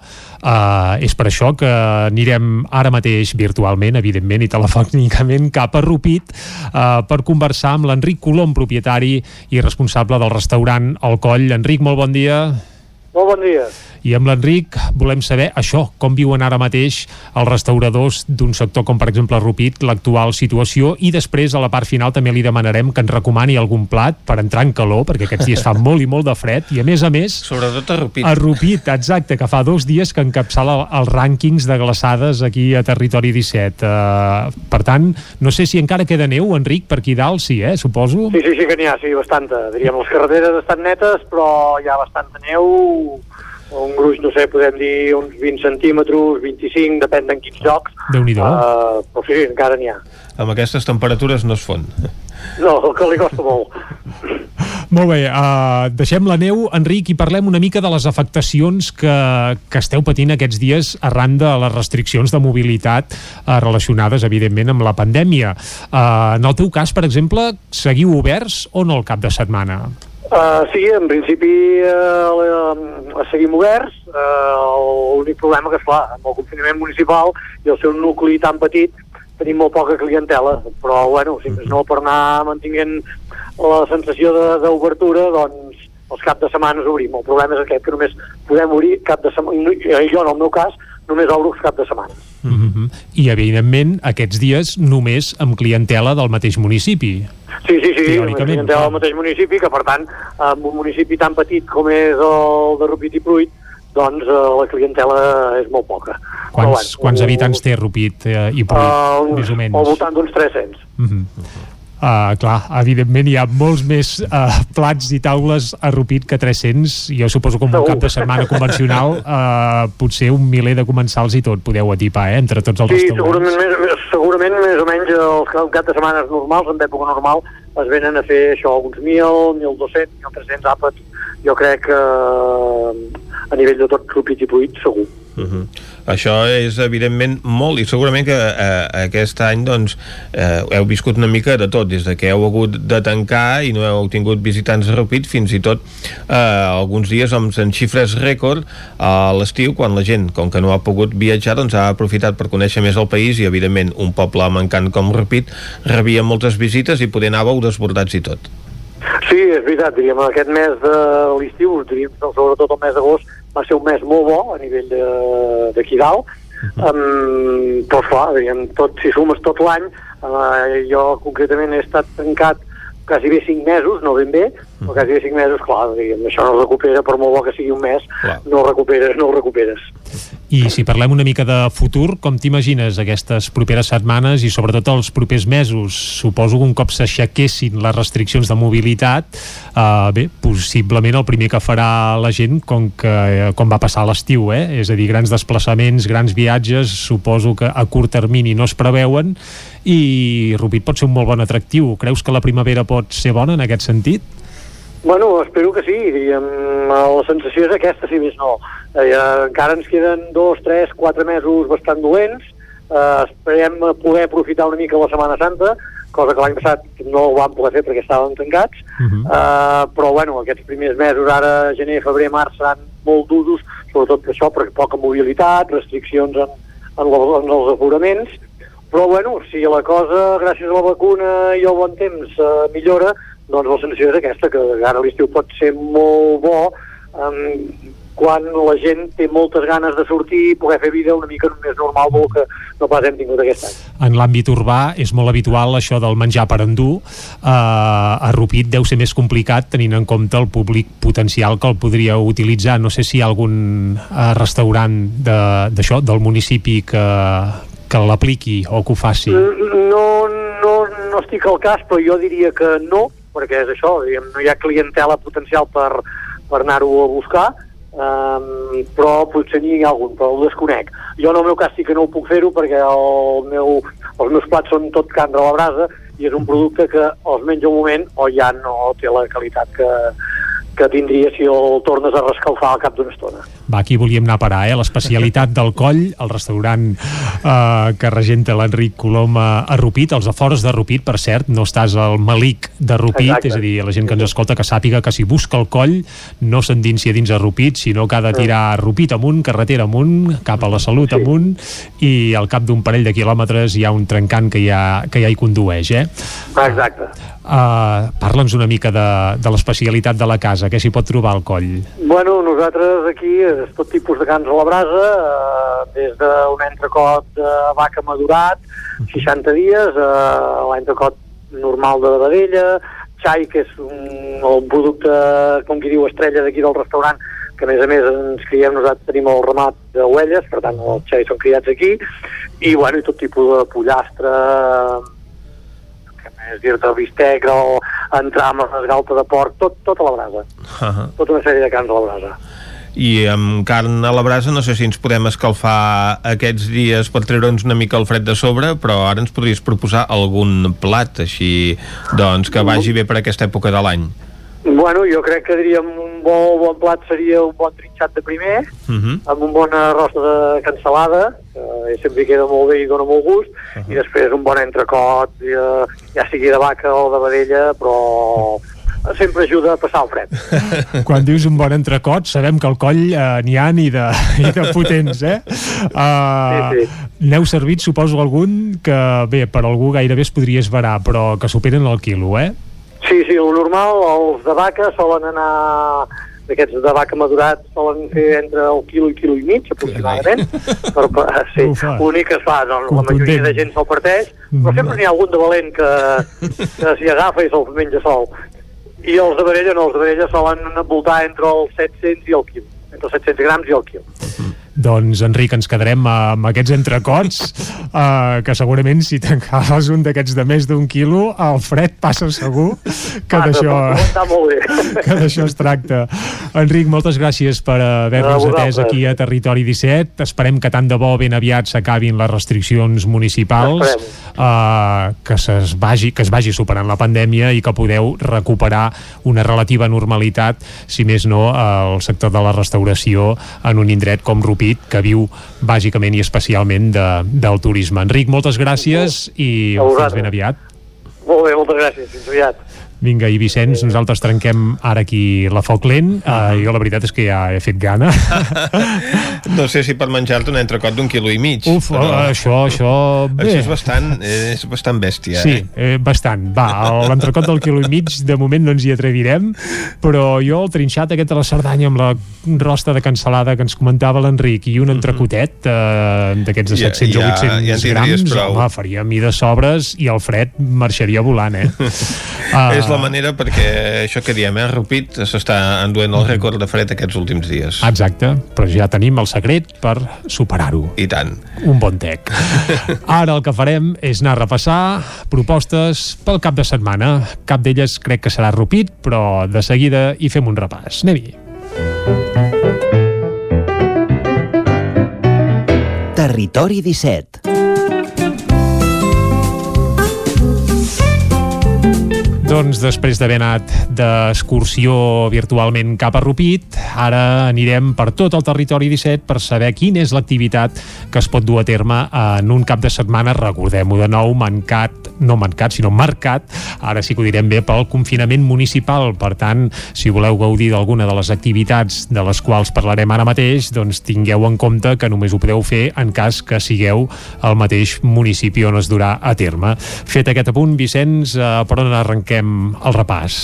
Doncs arrenquem el repàs per Ràdio Cardedeu amb l'Òscar Muñoz per saber com es prepara el cap de setmana. Bon dia, Òscar, de nou. Bon dia. Tenim moltes activitats per fer aquests dies o la cosa està una mica com el temps, així fred? La cosa està com el temps, Mhm. però, però sí. No, no tenim molta cosa per, per poder explicar, Mhm. però bueno, comencem per avui mateix a Granollers a les 8 al Teatre de Llevant. Tenim l'obra de teatre Elles, de la companyia La Melancòmica, i és una peça així d'humor satíric que fa un bon repàs dels clichés de gènere i treu a escena sense pèls la llengua els temes femenins dels quals ningú parla.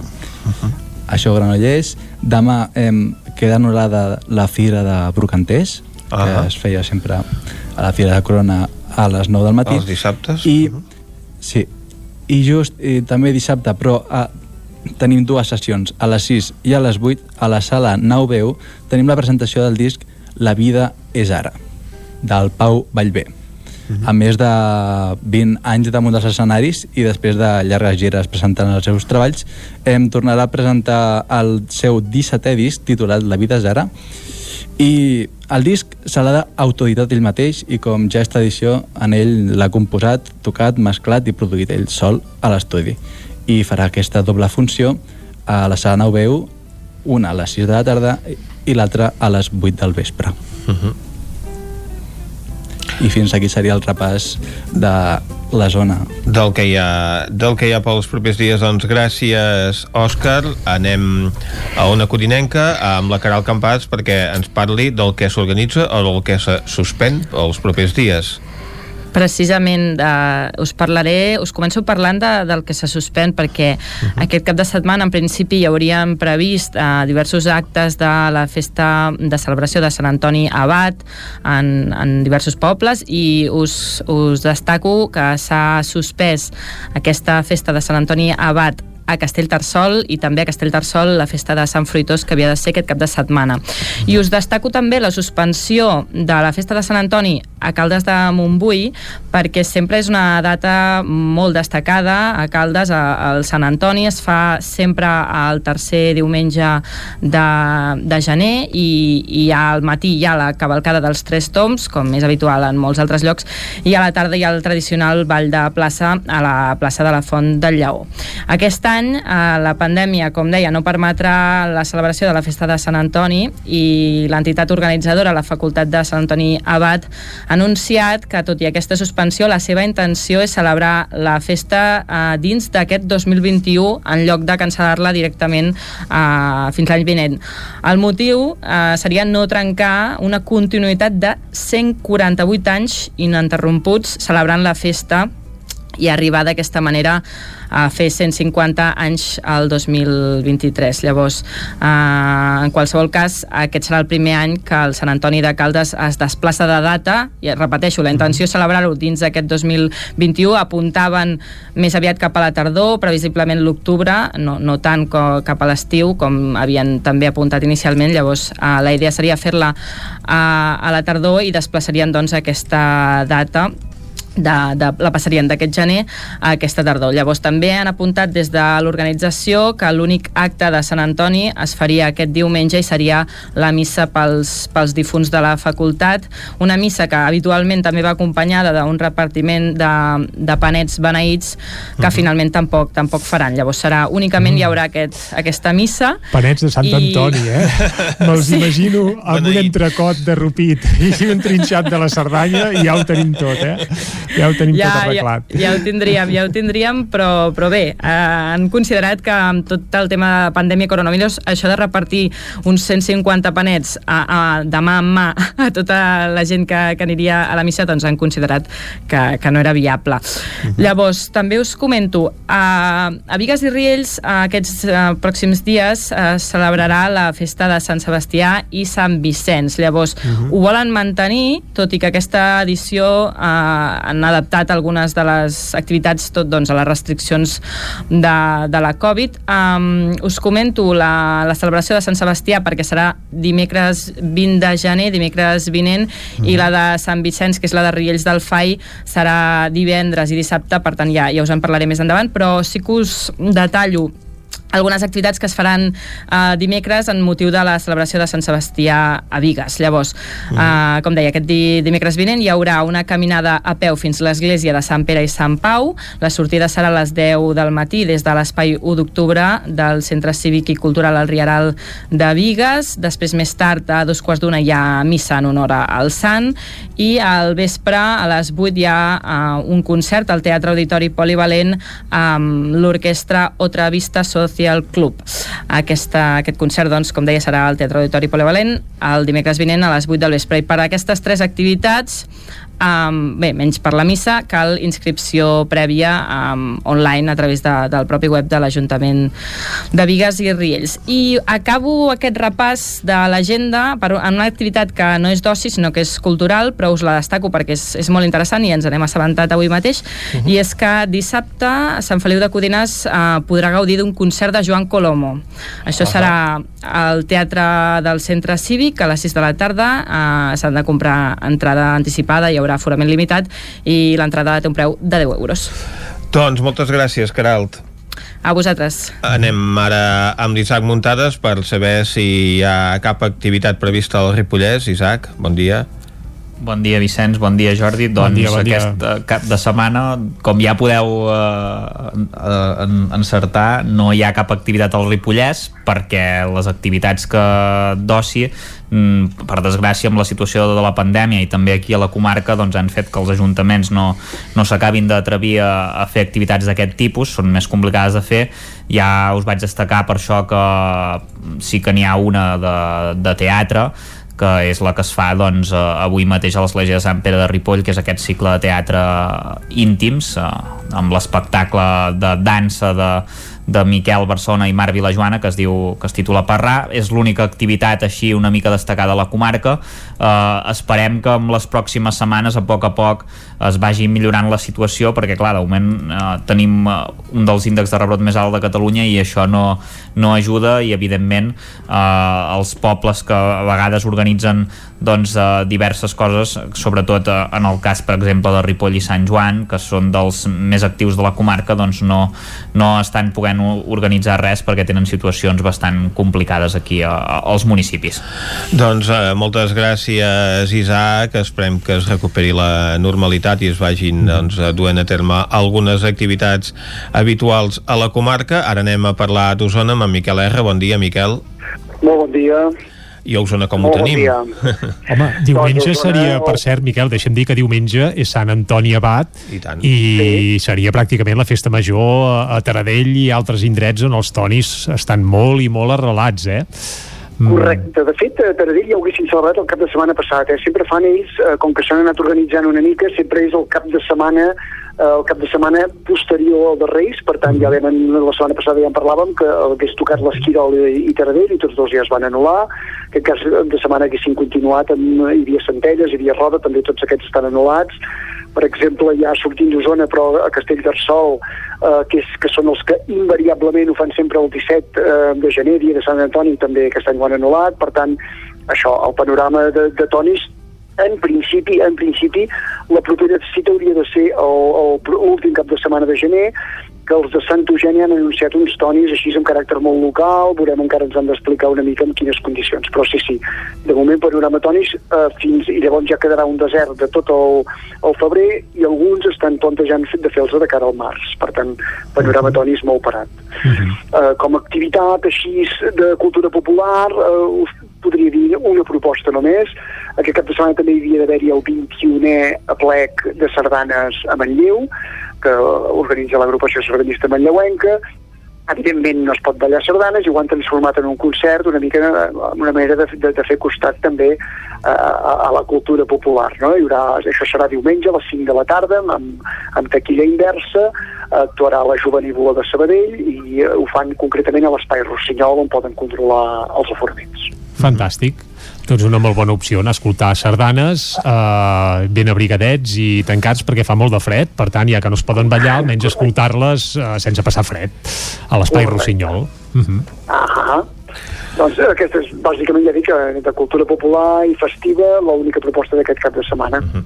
Molt bé, Miquel, doncs eh, gràcies. Esperem també que això, que es vagi recuperant l'activitat i que Esperem. també a Osona doncs, puguem anar celebrant aquestes festes tradicionals i també és tradicional en aquestes dates de l'any la disputa del Rally Dakar, no? Exacte, n'hem parlat, n'hem parlat avui a Territori 17, concretament a l'entrevista volíem connectar en directe amb alguns dels pilots eh, usonencs i també de Territori 17 que, que estan eh, bé, que avui acaben la cursa n'hem informat eh, això a les 10 tocades del matí i ara abans d'acabar el programa com que alguns d'ells ja han acabat també la seva participació ja podem avançar en novetats eh? per exemple el Nani Roma ja ha acabat també eh? Sí, eh, abans havíem parlat que havien arribat 10 cotxes doncs el Nani Roma ha estat l'11 en aquesta etapa del Rally Dakar i això li permet doncs, mantenir aquesta cinquena posició a la classificació general, un gran resultat en l'any del seu debut amb un nou equip que apareix al Dakar i amb aspiracions, que és l'equip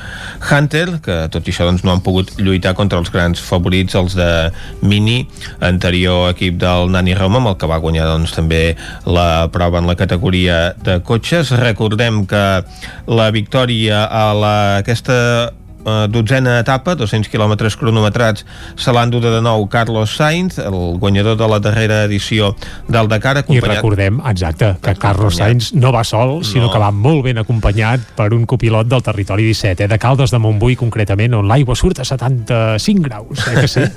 Bé, a 74 com a mínim. Ah, 74, bé, bé, perfecte.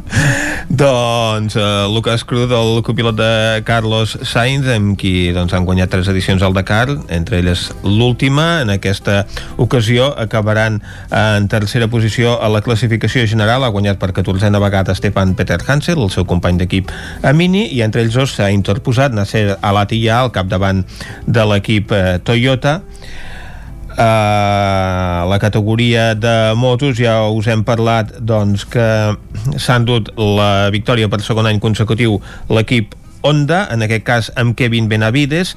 L'última etapa l'ha guanyat Ricky Brabec, que va ser el darrer guanyador del Dakar, i com que li ha tret 13 minuts a Sam Sunderland, segon classificat, doncs el pilot de KTM que ha perdut la segona posició en aquesta última etapa. Normalment a l'última etapa sempre es diu Sí, que no, no passen coses, però res. a vegades en passen perquè Mhm. avui doncs, hi havia 200 quilòmetres i no pas doncs, 200 quilòmetres molt, molt fàcils de fer. Doncs amb Sunderland al capdavant de l'equip KTM s'haurà hagut de conformar amb la tercera posició. Recordem que Laia Sanz ha acabat 17ena amb Gas Gas, que no deixa de ser una KTM oficial pintada dels colors de Gas Gas, ha acabat a 6 hores i 29 minuts.